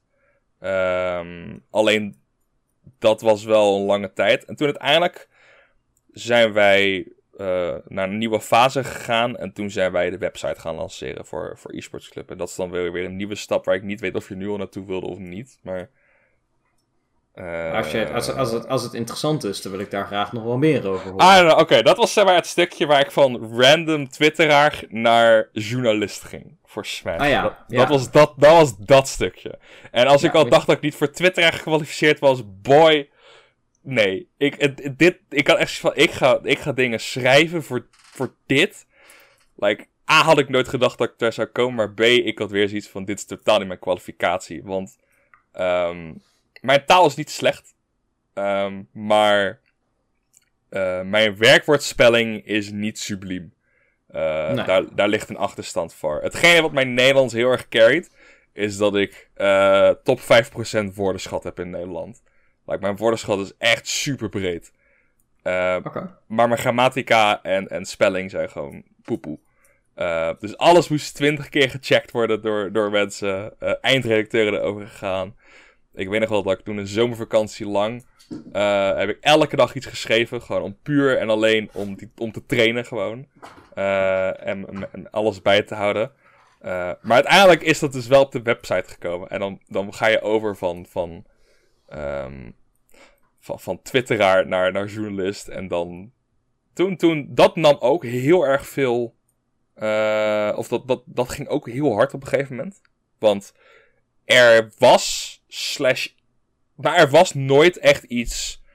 consistents. qua reportage over Smash in Nederland. Dat was er gewoon niet. Nee. En, dat was, en nu was het er wel. En de guy die dat deed was ik. En dat voelt heel weird. Maar. Um, ja, dat is hoe dat verhaaltje gegaan is. En dat is een beetje hoe Um, uiteindelijk zijn er nog heel veel veranderingen over geweest. Maar dat is nu hoe, hoe ik uiteindelijk hier zit. Uh. Ja, want uiteindelijk ben je ook gewoon op de Google searches gekomen en dergelijke. Dat is best een prestatie. Um, op een gegeven moment waren mijn nieuwsartikelen waren de tweede of derde hit als jij uh, het googelde. Uh, die kwamen heel hoog te staan. Het is ook deels omdat er gewoon niks is op dat front hoor. Maar kijk, natuurlijk als er, als er een hey, character wordt geannounced, weet je, Sephiroth wordt geannounced dan komen de gamer.nl's en dan komen de uh, pu.nl's. Die gaan allemaal eventjes hun smashers eruit tikken en daarna gebeurt er niks. Terwijl, als jij wilde weten waarom Hero in Frankrijk verbannen was, I'm your guy. I'm your guy. dat, dat soort dingen, weet je. Dat is een sterk artikel inderdaad. Ja, ja, ja, ja. Maar dat soort dingen waren er gewoon niet in Nederland. En, en dat was er toen wel. Um, en dat, dat, dat is nu alweer een beetje weggevallen. Dat zit niet echt meer uh, in, in, in wat ik doe. Maar uh, het is wel een hele leuke periode van mijn leven, van mijn werkcarrière geweest, denk ik. Ja, dus de pen was, aan, de pen was vloeiende als het ware. Ja, uh, de, de, de Juice was vloeiende, de Neptune was vloeiende. Eigenlijk ging het heel erg goed. Klopt. ook zelfs nog tijdens het begin van, van de pandemie eigenlijk, als ik het zo op papier zie. Ja, ja, eigenlijk wel. Uh, want in de pandemie heb ik iets nieuws erbij gepakt toen. En dat was dat ik Neptune ging streamen. Ja. Um, ik heb hiervoor in mijn vrije tijd wel gestreamd. Ik ben caster geweest daarvoor wel. Maar ik kan nooit echt. Je, streamer zijn is iets heel anders. Um, daar komt veel meer bij kijken. Ik had mijn computer upgrade nodig. Bless eSports Club dat ik daar eentje voor heb gekregen. Uh, maar uiteindelijk komt er heel veel bij kijken. En toen ben ik uiteindelijk meer Twitch gaan doen. Mm -hmm. En Twitch klikte al vrij snel. Um, dus ik had al op dat moment zoiets van: Weet je, ik kan hier best wel mijn tijd mee vullen binnen de, de, de lockdown. En toen kwamen de, de, de, de andere Smash News blijven gewoon doorgaan. Um, tenminste, voor een deel kwamen ze doorgaan. En, en er blijven natuurlijk genoeg andere dingen over te schrijven. Ik heb echt over zoveel games geschreven in, in die tijd. Uh, van FIFA tot virtueel wielrennen heb ik stukken geschreven. Oh ja. en dat soort dingen, dat, dat breidt je portfolio gewoon heel erg uit. En dat was wel het leuke aan, aan lockdown. Om, klinkt heel weird, maar dat was het leuke aan lockdown. Is je, je breidt jezelf heel erg uit in wat je kan doen. Um, dus toen ben, ik meer over, ja, toen ben ik meer over andere games gaan schrijven. En toen uiteindelijk in eind juni heb ik gezegd, toen, toen belde ik mijn, mijn baas op, en heb ik gezegd van, uh, ik vind Twitch super tof, uh, ik wil graag dit meer gaan doen. Uh, toen ben ik eigenlijk bijna al mijn tijd op Twitch gaan besteden. Door streamen, mm -hmm. door, door eh, dingen zoals dit te produceren, door, door Club FIFA te produceren en allerlei werk te doen voor partijen. Um, Maar daar ben ik toen in gaan zitten. En dat is uiteindelijk hoe ik ook een groot deel van mijn lockdown heb doorgebracht. Door gewoon content te maken online. Zonder dat er iets hoeft te gebeuren. Want dat, is, dat is het nare met nieuws schrijven, weet je. Als jij nieuws hebt, er moet iets gebeuren. Je kan het niet zelf maken. Mhm. Dus je bent heel erg afhankelijk van externe factoren. Hier, ik ga gewoon hier zitten op een maandagavond. Ik, ik zorg ervoor dat er een gast is. We zorgen ervoor dat er een interviewplan is. En we gaan gewoon twee lullen over Smash. dat, dat is veel leuker uh, en productiever om mee bezig te zijn, weet je. En, en Zeker. dus in dat opzicht helpt het je wel met gewoon je lockdown doorzetten. Plus het feit dat ik ook blij mag zijn dat ik buiten een baan had tijdens lockdown. Dat is Ehm, ook zeker een dingetje. dus nee, in, in dat opzicht was lockdown niet... Op dat front, laat ik het zo zeggen, niet heel erg voor mij. Nee, en dan zit je er natuurlijk eventjes in. Eh, Ja. Ondertussen, ja, eh, online Smash is toch niet de ideale oplossing eh, voor de meeste mensen. Dus je, organi- je organiseert je Neptune, maar je doet er nooit zelf aan mee. Je bent altijd, een, je bent altijd de caster geweest. eh, en dan had je eh YYZ voor de TO'ing. Mhm. Ehm, maar op een gegeven moment gaat het kriebelen. En je bent al, denk ik, zo'n half jaar niet meer naar een toernooi geweest. Mhm. Op dat moment. En dan wordt aangekondigd Bearded Beatdown en AFK-locals. Ja. En die gebeuren in het midden van een, van een pandemie, als het ware. Dat is natuurlijk een beetje gek. Goed, eh, mondmasker op en gaan. Want jij hebt Bearded Beatdown bijgewoond. Ik weet niet uit mijn hoofd of je ook nog AFK-locals hebt bijgewoond. Ehm, nee, wel die Arcadium heb ik bijgewoond, maar niet de Ah, ja, die.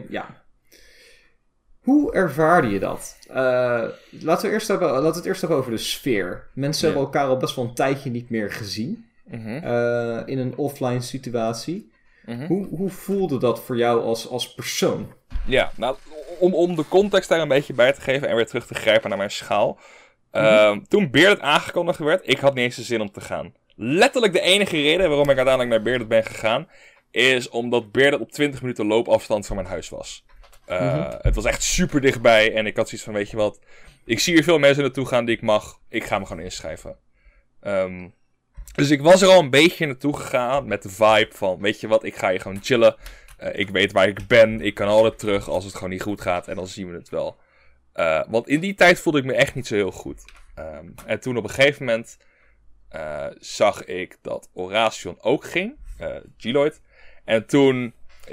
Dat was denk ik echt... Dat moment heeft mijn beard het gemaakt. Want toen op een gegeven moment Oration... Die, die wist waar ik woonde.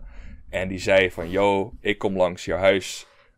zal ik jou gewoon oppikken rond die tijd? Want we speelden ongeveer in Oh, dezelfde wave. Dus ik had zoiets van, weet je wat? Ja, sure, vind ik cool. Kom ik gezellig even meelopen. En ik weet het nog heel goed. Ik, ik, ik stond klaar, ik had alles ingepakt, mijn deurbel gaat. En ik kwam open en er staan like acht man voor mijn deur. Die allemaal gewoon... Zeg maar, je moet je voorstellen, vanaf het treinstation waar je aankomt, is de metro echt 10 minuten of zoiets. Als je dan naar mijn huis loopt en dan nog naar Bearded, die, die venue, was je gewoon 40 minuten onderweg of zoiets.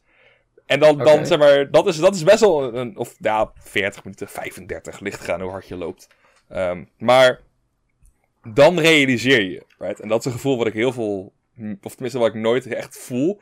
Maar op dat moment ook echt zoiets van, deze random acht mensen besloten dat het het meer waard was om 40 minuten lang zichzelf de takken te lopen. En dan langs mijn huis te komen, dan met de metro gewoon direct uit te zijn. En dan heb je zoiets van, oké, dan voel je wel heel erg goed over jezelf. Ja, Dan voel je echt alsof je zoiets hebt van, man, mensen doen iets voor mij. En dat klinkt heel stom, maar, eh, Ja, maar het, het, het is een gebaar, weet je. het is toch fijn om die waardering te zien in acties. in, plaats van, in plaats van dat het alleen wordt uitgesproken, komen deze acht mensen speciaal langs. En natuurlijk komen ze niet allemaal apart eh, specifiek om jou op te halen. Maar goed, ze horen, hé, hey, ik ga langs Dago om hem op te halen. En zij denken, oh, wil ik ook. Ja, ja, ja. En het Dat was ook mooi. echt. Ja, maar het was ook echt super. Ja. Het, het, het is een hele makkelijke manier om laten zien dat, dat iemand om je geeft. Want dat is again weer een beetje met, met het imposter syndrome. Van als iemand zegt: Jij bent echt super cool. Dan weet ik bij mezelf: Je lult, man. Weet je, dat weet ik bij mezelf. Ergens weet ik bij mezelf van: Wat jij zegt, dat klopt niet.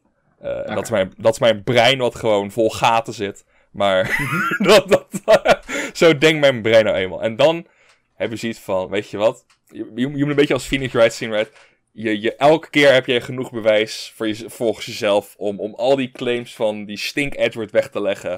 En dan één keer komt hij met die updated autopsy report. Met die acht man die voor de deur staan. en dan kan je er niet meer omheen, weet je. Dan, dan kan je er Ja. niet meer omheen met... Wauw, weet je. Wauw. staat het in de court record. Ja, ja, ja, ja, precies. Court record updated. Eh, en op dat moment had ik al zoiets van... Het maakt me oprecht geen zak meer uit hoe ik op het toernooitje ga. De mensen die ik al een half jaar niet meer heb gezien... zijn nu zo ver uit hun weg gegaan om voor mijn deur te staan. En dat voelde gewoon heel goed. Ehm, en dat was ook een beetje de sfeer bij Beard over het algemeen. eh, om daarop terug te komen. Want Ja. mensen op Bearded waren er grotendeels volgens mij gewoon puur om elkaar weer te zien. Ehm, Ja. je, had, je had daar een, een, een dakje buiten de venue. Nou, volgens mij er stonden altijd wel een mannetje of tien daar zo. Stonden gewoon te chillen met elkaar. eh, van de 64. Dus er was altijd wel gewoon ruimte om, om elkaar weer te spreken. En dat is ook een beetje de vibe die ik weer kreeg daar zo. Het is natuurlijk lastig om dat echt goed te doen met, met alle maatregelen en afstand die je moet houden en zo. Maar eh, het, het voelde wel echt weer een beetje als een soort high school reunie, zeg maar. Alleen in plaats van dat het een high school reunie is, mag je iedereen nog daar zo. dat was het een beetje. Ja, want de, ik heb natuurlijk de stream gekeken. Ik, wa- Ja. was, origineel was mijn plan ook om naartoe te gaan, maar ging een Ja. beetje moeilijk. Eh, ik heb de stream gekeken en, en ik heb Mundo eh, mensen zien, zien tackelen en stiekem toch hier en daar een knuffel uitgedeeld zien worden. Er was, ondanks dat, ondanks dat er maatregelen in, in, in eh, re- waren, zo, ondanks dat er maatregelen bezig waren. Ehm, zag, je, eh, zag je gewoon de liefde uit je scherm komen, als het ware, voor, voor, voor elkaar, voor de community. En je, je kreeg echt het gevoel van, oh ja, we zijn weer één community. Ja, ja, ja, precies. Het is, dat is, en dat is ook wel hetgene waar, waar, waar mensen vaak een... een kijk, alright, ik haat... Ik heb echt sinds een week of twee of zo, sinds dit jaar, heb ik echt een intense haat gekregen aan het woord community. Want Oké. het woord community... Vermoeden al zoiets?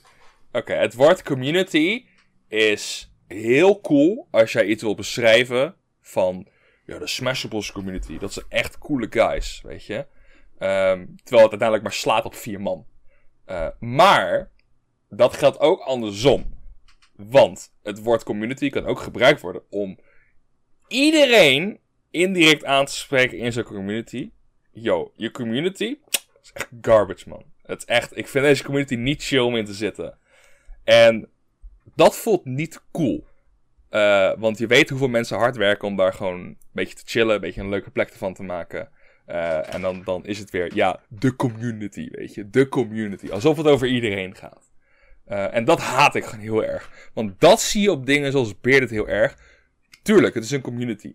Maar iedereen die daar is, is nog steeds dezelfde karakteristische grote koker die ze eerst waren. Gewoon hun domme idioten zelf. En dat ga je niet Mhm. terugvinden in een woord zoals community. Nee. Dus van, dat, daarom vind ik ook wat jij zegt inderdaad. Je ziet mensen elkaar op de grond tackelen. Je ziet gewoon af en toe de stiekeme knuffel waar je een boete voor krijgt uitgedeeld worden. Maar dat zijn niet zozeer acties van de community. Dat zijn gewoon mensen die genuinely om elkaar caren.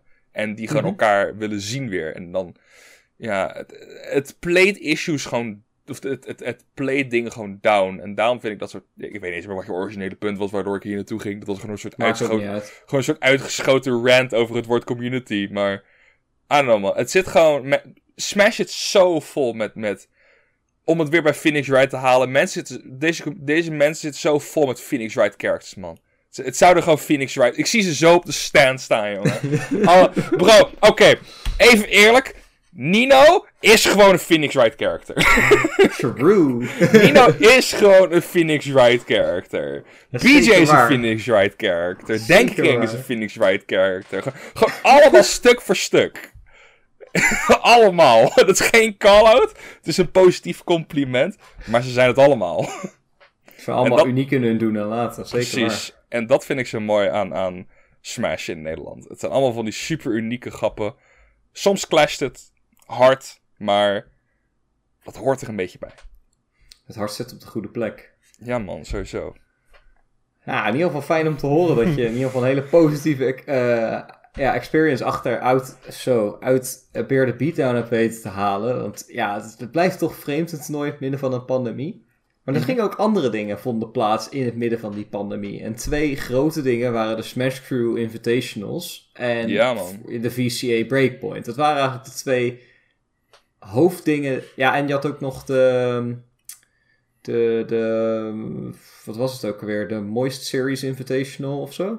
Van eh Critical. Ja, de, de, de Quarantine Series was De Quarantine. Series in Europa. Maar daar heb ik niet zo heel veel van meegemaakt. Nee. Nee, klopt. Ehm, ja, ook voor de context voor de mensen, dat waren drie hele grote Europese online Smash toernooitjes. Uh, met echt 500 deelnemers per stuk of zoiets. Dat waren echt hele grote toernooitjes. En die, die Crew Battle Invitation, dat was van elk land stuurde 10 man op of zoiets. Het waren super nice dingen. Uh, en dat was inderdaad ook wel gaande, inderdaad. En ik denk dat je daarmee naar, naartoe wilde dat... dat uh, voor mij, ik heb op alle drie commentary gedaan, als het goed is.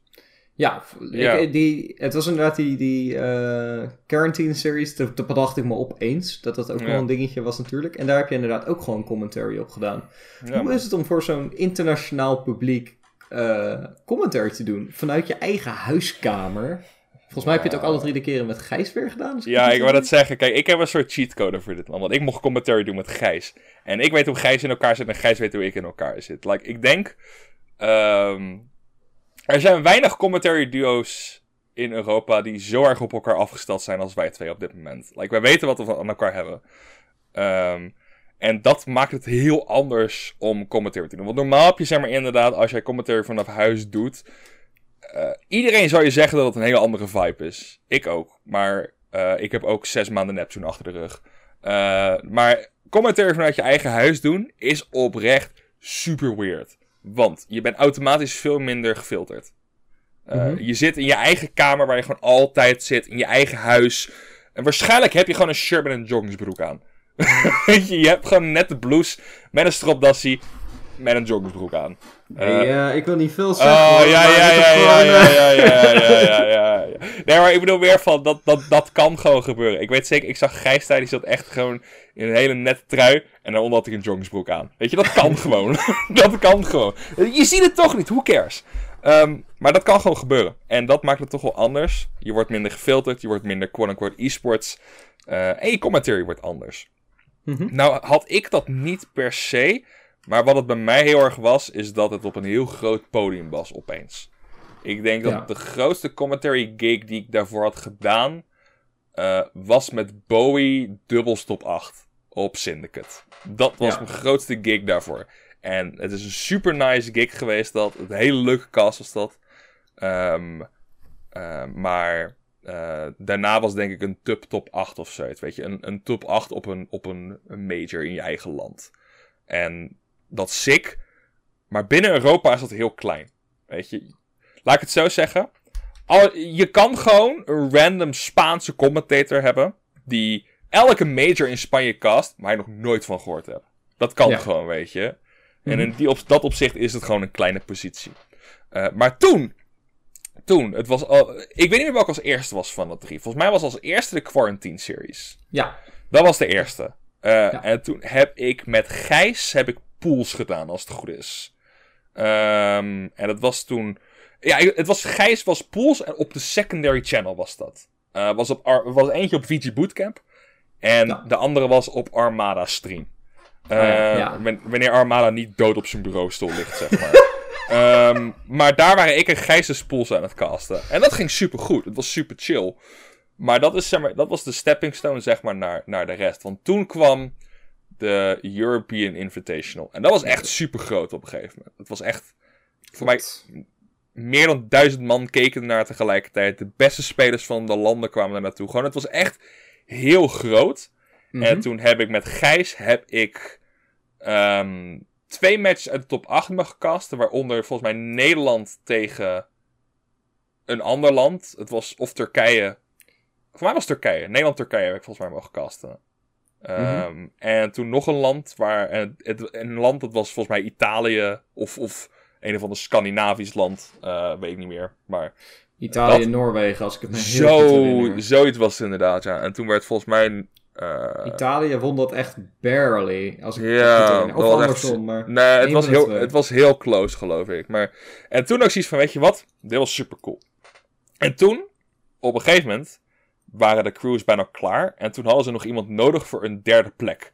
Want daar hadden ze nog geen casters for some reason voor. Of die waren uitgevallen. En toen werden ik en Gijs op de derde plek neergezet. Als in, wij -hmm. mogen plek 3 gaan casten. En again, je moet, het is niet de allerhighste noot. En dat is ook echt absoluut niet erg. Maar het is wel een enorme stepping stone voor je, weet je. Want je, je bent letterlijk een top 3 aan het casten voor waarschijnlijk het grootste toernooi van het jaar voor jouw idee, weet je. Uh, met, met, je, met je man Gijs. Met je man Gijs. Um, The one and only. Ja, en het was weer Nederland, volgens mij. Het was Nederland-Frankrijk toen. Ja. Eh, Want ik weet dat Frankrijk was geupset door. Volgens mij de UK was dat. Ja, het was Nederland-Frankrijk. En dat is echt een crowd favorite voor, voor, voor de mensen gewoon. En ik weet nog wel. Dat was toen. eh, met, met een actual egg. Die set heb ik mogen casten, volgens mij. Als ik het goed zeg. De, de, De, de actual act tegen Gluttony. eh. ja, ja, ja, ja. Volgens mij heb ik die of Nee, volgens mij, volgens mij heb ik die gecast. Volgens mij Oh, heb jij, Nederland, eh, jij hebt Nederland tegen de andere eh, gecast. Dus tegen... Duitsland? Oh nee, Duitsland won. Nee. Duits... Nederland tegen de UK heb jij gecast. Oh, Nederland, UK. Oh, dat was hem inderdaad. Ja, ik zat even zelf ook te graven in mijn herinneringen. Maar ik weet sowieso dat ik met Fauster heb gecast tegen Frankrijk. Ja, Dus jij, jij- jij- ja, jij had de nummer 1 inderdaad, ja. Eh, Frankrijk won de Invitational. Ik weet niet meer, maar ik heb in ieder geval aardig wat sets gecast daar zo. En het was echt... Ik weet sowieso dat ik derde plek heb gecast en dat Nederland daar zat. Nederland-Duitsland, volgens Paint. Ja, Ja, en helemaal dat- correct. Dat was de big one, man. Dat was de big one voor me. En toen... eh, want uiteindelijk, weet je, je zit op Geek Goonspan met duizend man, weet je. Wat wil je nog meer? En toen uiteindelijk kwam eh, VCA Breakpoint. En dat was ook met Gijsie weer, man. Maar dat was echt een super goede slot. Want we waren top 16 of zo, geloof ik. Waren we. Ja. Van ehm, eh, de, waarschijnlijk de meest stacked invitational van het jaar. Eh, en daar heb ik met Gijs een commentary voor mogen doen. En die commentary sessie was super sick. Ik ben echt heel blij met die commentary sessie. Ehm, Mhm. maar dat was zeg maar de final stepping stone. Want dat was op VG Bootcamp. Eh, En dat was waarschijnlijk het grootste. Het is na Beyond the Summit waarschijnlijk het grootste Twitch-kanaal voor Smash. En daar sta je dan met je kaaskoppie. eh, met je joggingsbroek aan. en een shirtje. Sta jij in de top 16 van een Invitational te casten, weet je. En dat voelt weird. Dat voelt super weird. Eh, en dan ook, zeg maar, in de chat horen van... Yo, deze guys zijn echt super sick. Deze guys zijn echt heel nice, weet je. Dat, is- dat, dat voelt gewoon echt heel goed. En dat... dat het was eigenlijk een soort opbouwende trap voor mij, die, die drie toernooitjes, om een heel lang verhaal kort te maken.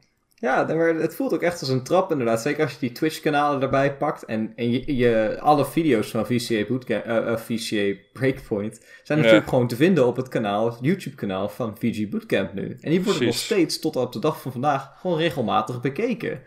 Dus die video's hebben allemaal rond de duizend views of iets dergelijks. Dus ze hebben al duizend, duizend pikkies hebben naar jouw stem zitten luisteren. Dus van, oh, Ja, hij, hij, ja, ja. hij, hij praat geen poep in ieder geval. Klopt.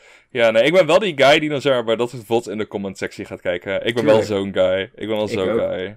Ik weet nog wel heel ik goed, bedoel- om, om, om, om zeg maar een beetje af te draven ervan. Ik had toen de set... Ik had een set met Light gecast. De, de Duitse Palutena Light. En ik vond het zo mooi, want VG Bootcamp is Amerikaans, weet je. Dus die Amerikaanse mensen krijgen waarschijnlijk als meeste de, de sub-notification. en in die comment sectie, er stond niks in, behalve waarom speelt Light geen Fox? En ik heb me echt kapot gelachen. Want Light is ook een Amerikaanse speler die Fox speelt. En om al die, die verwarde Amerikaanse koppies te zien, jongen. Heerlijk. Zo mooi. Dat was zo mooi. Maar nee, nee het, het is inderdaad, ik denk dat dat gewoon. eh, qua, einde jaar heeft dat commentary heel erg eh, goed voor me achtergelaten. Juist. Ja, en dan komen we aan het einde van het jaar van 2020. Er is een heleboel gebeurd. Uh. Laatste paar dingetjes die nog langskomen. Dat is Snul wordt opgestart. Die heeft nog niet een hele grote rol in gehad, maar ik wil het toch even benoemen als een soort van mijlpunt van het jaar. Mhm. Uh, een andere for fun, iets meer for fun, ja, wordt ook wel heel serieus gespeeld, is de WWE. Mhm. Dat is een uh, evenementje dat door YYZ wordt georganiseerd. Volgens mij ben jij ook de, de caster daarvoor. Klopt. Uh, het is hartstikke leuk. Volgende editie is op vrijdag 8 januari. Dat heet Spin to Win, als ik het goed heb begrepen. En dat is Incineroar, Agumon of weet ik veel wat only. Dus misschien als je dat interessant vindt, kun je daar nog eventjes naar kijken. Exact. En we hebben natuurlijk afgelopen week hebben we ook nog de pubquiz georganiseerd op de 30ste. Ja, man, Dat was ook ontzettend leuk. dat was een ervaring, man. Dat was echt een ervaring. Ik was zo'n wrak die dag, maar dat was zo'n ervaring. Ja, maar dan kijk je wel terug. Als je dan terugkijkt op 2020, heb je toch redelijk eh, veel weten te bereiken. Ja, En, ja, ja. ja, wat eigenlijk best wel ongeveer door veel mensen wordt gezien als een rotjaar. klopt. Pers- klopt. persoonlijke groei, eh, competitief gegroeid, eh, duidelijker beeld van wat je wilt met Smash. Ik denk dat eh 2020 uiteindelijk best als succes gestempeld kan worden voor jou, uh, Dagobert? Ja, ik denk dat ik die taboe gelijk maar ga doorbreken. Want hoewel ik op papier heel veel goede dingen gedaan heb, denk ik.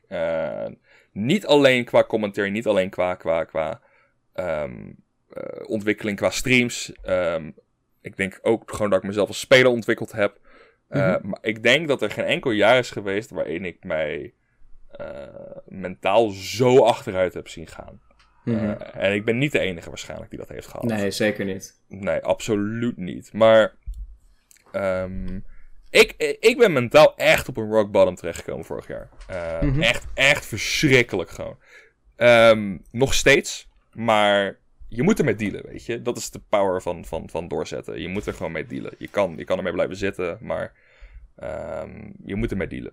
Weet je, mm -hmm. je, kan, je kan niet um, met, je, met je, je, je, je eenzame gedachten blijven zitten en denken van, oh man, wat ga ik nu weer doen? En dan is het misschien juist logisch dat ik zo, zoveel dingen gedaan heb, want je wil je mind ergens anders toezetten, right? Je wil iets anders doen.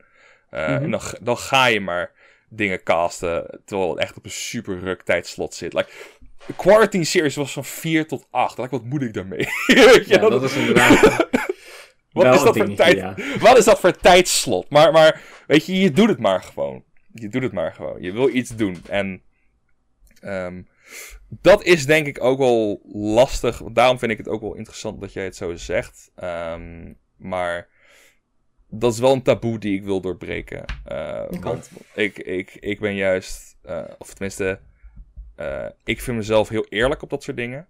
als ik iets Um, laat ik het zo zeggen, laat ik het zo zeggen. Als ik mij niet goed voel bij iets, of goed voel over iets, ben ik meestal vrij snel in het zeggen, of het is heel makkelijk op te pikken bij me.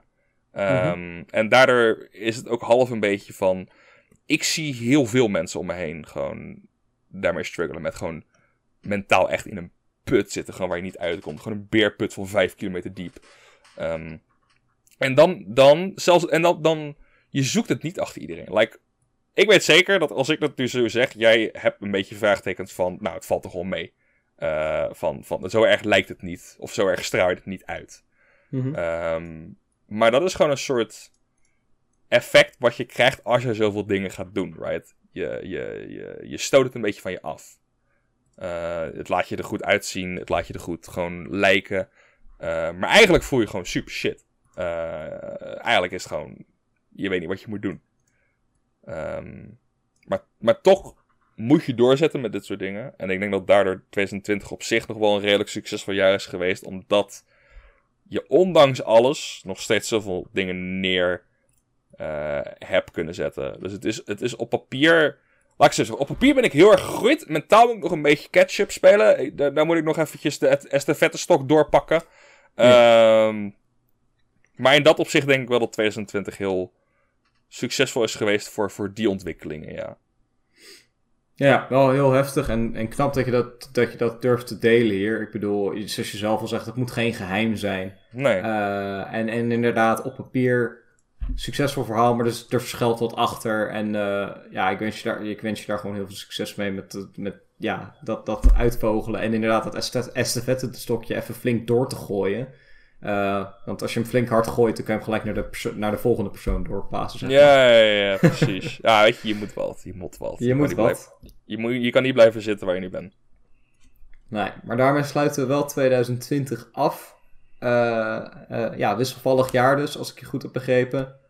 Maar dan wordt het wel tijd om vooruit te kijken naar 2021. Ja. Dus nu, ja, we zitten aan het begin van een vers jaar. Heb jij op dit moment bepaalde doelen of ambities die je graag zou willen waarmaken? En het kan heel simpel zijn, je mag ook heel groots denken. Ja, oké. Okay. Nou, er zijn, er zijn een paar dingen qua, qua game. Um, laat ik daar maar even beginnen. Is, mm -hmm. ik wil, want het uh, nieuwe seizoen van Snel is vandaag begonnen. Ja. Waar je het nog net over had.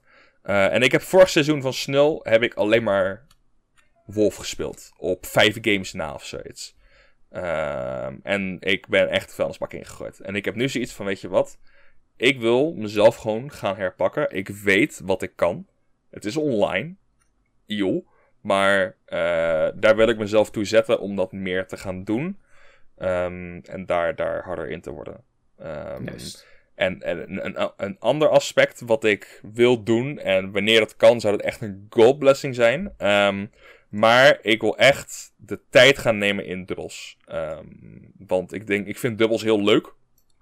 Um, ik vind dubbels, ik denk dat ik best prima ben in dubbels.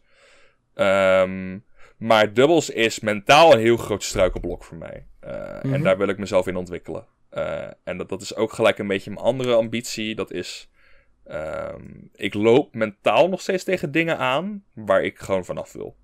Um, dat heeft te maken met, of, maar dat heeft te maken met inderdaad dubbels, dat ik me heel snel daar, daar niet goed bij voel.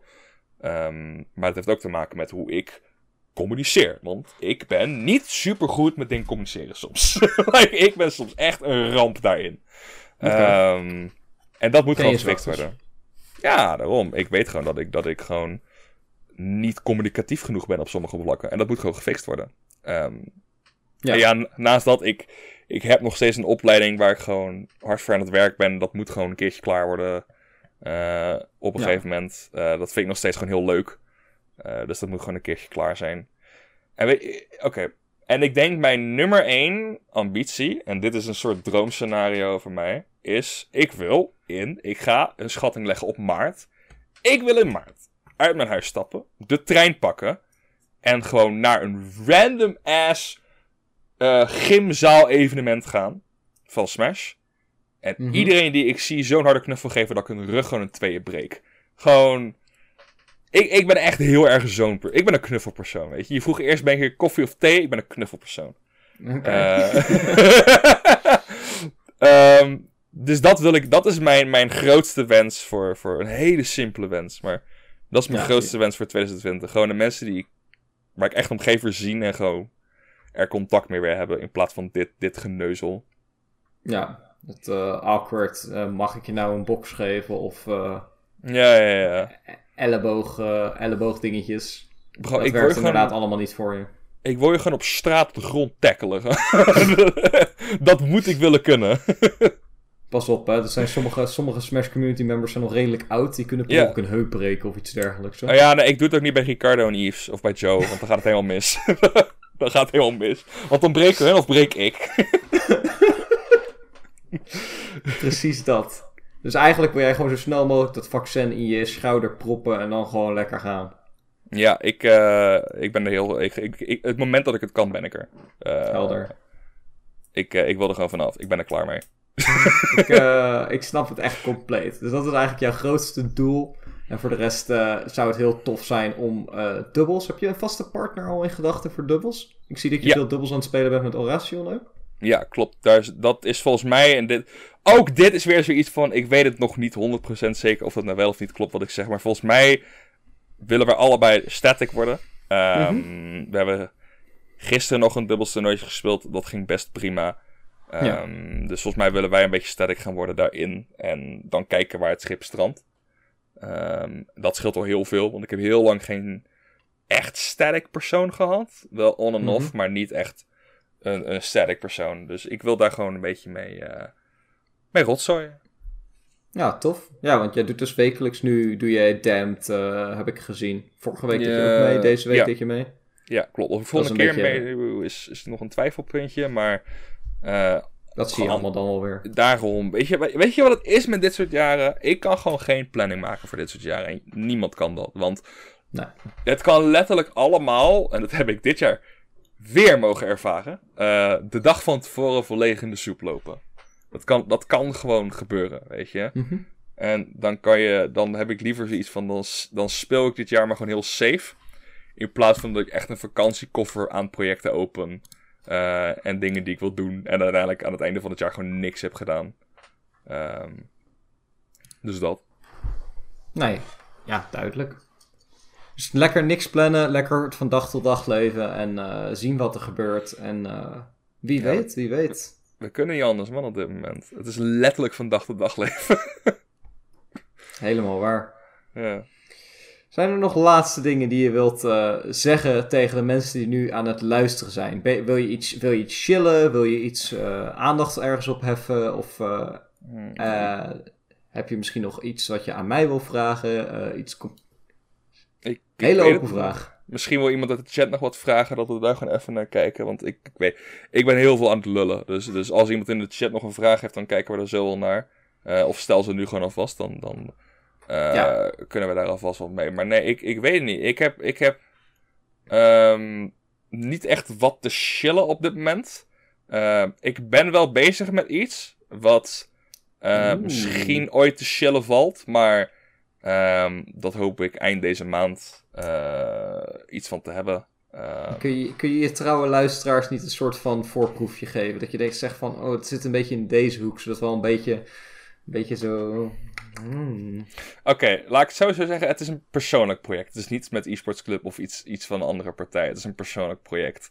Mm maar laat ik het zo zeggen: die how-to-play van tutorial van Smash ga je niet meer nodig hebben. oh, uh, oké. dat, is, dat is wat ik erover ga zeggen. Ah, dus je gaat wel uitleggen hoe ik het beste op mijn, op mijn, op mijn, op mijn knopjes kan drukken, zodat ik een optimale Sonic Online kan spelen. Hartstikke ja, bedankt, Dago. Ik, ik, heb altijd al toernooien willen winnen. Ik, ik, uh, ik leg je uit met welke vinger je het moet doen. dan weet je. Helemaal goed. Nee, het uh, lijkt me helemaal duidelijk. Uh, er zijn op dit moment ook geen vragen uit de chat. Alleen nog Nino die opmerkt, Dago doet een bongo drums tutorial. Ik nou, doe zeker goed. een bongo drums tutorial, Nino. Goddamn. helemaal goed. Nou, ik kijk er ontzettend naar uit en met, met mij nog veel anderen. Uh, voor de mensen die nu kijken, willen jullie ontzettend bedanken voor het kijken. Voor de mensen die aan het luisteren zijn, hartstikke bedankt dat je weer een hele podcast aflevering hebt geluisterd. Ik wil nog even de aandacht vestigen op onze sponsor Juice Real Energy. Uh, het is natuurlijk het energiegerelateerde product dat verkrijgbaar is als een poeder. En daar kan je een, makkelijk een drankje van maken door er simpel wat water bij te gooien. En als je er zin in hebt, dan kun je naar juiceenergy.eu gaan en dan krijg je 15% korting met de code SHUK. Wil ik jou ontzettend bedanken, Dagobert. Ik hoop dat je het een beetje leuk hebt gevonden. Ja, ik hoop dat je alles hebt kunnen zeggen wat je hebt willen zeggen. Ja, nou, ik, ik, ik heb altijd veel te zeggen, maar uh, ik denk, ik, ik, ik, alles, ik lul alleen maar door anders. Dus ik denk, nee, ik denk, uh, het is leuk om eens een keertje in de stoel van de andere persoon te zitten. Want, want ondanks dat ik zelf heel veel interviews doe, word ik zelf nauwelijks geïnterviewd. dus het is, uh, dat is wel leuk om een keertje op de andere stoel te zitten. Ik hoor het graag als je nog tips hebt voor mijn interviewtechnieken. Maar voor nu wil ik graag uh, meegeven aan de mensen die nu luisteren. Als je nog een goed gesprek met Dagobert wil uh, stellen, mag je hem ongetwijfeld even een DM'tje sturen. En verder wil ik de gast van volgende week alvast uh, introduceren. Dat gaat Purple Duo zijn. Dus als jij zin hebt om je favoriete gele vriend langs te zien komen, wees dan zeker volgende week er ook weer bij. Maandag om 8 uur en anders woensdag live op Spotify. Tot de volgende keer.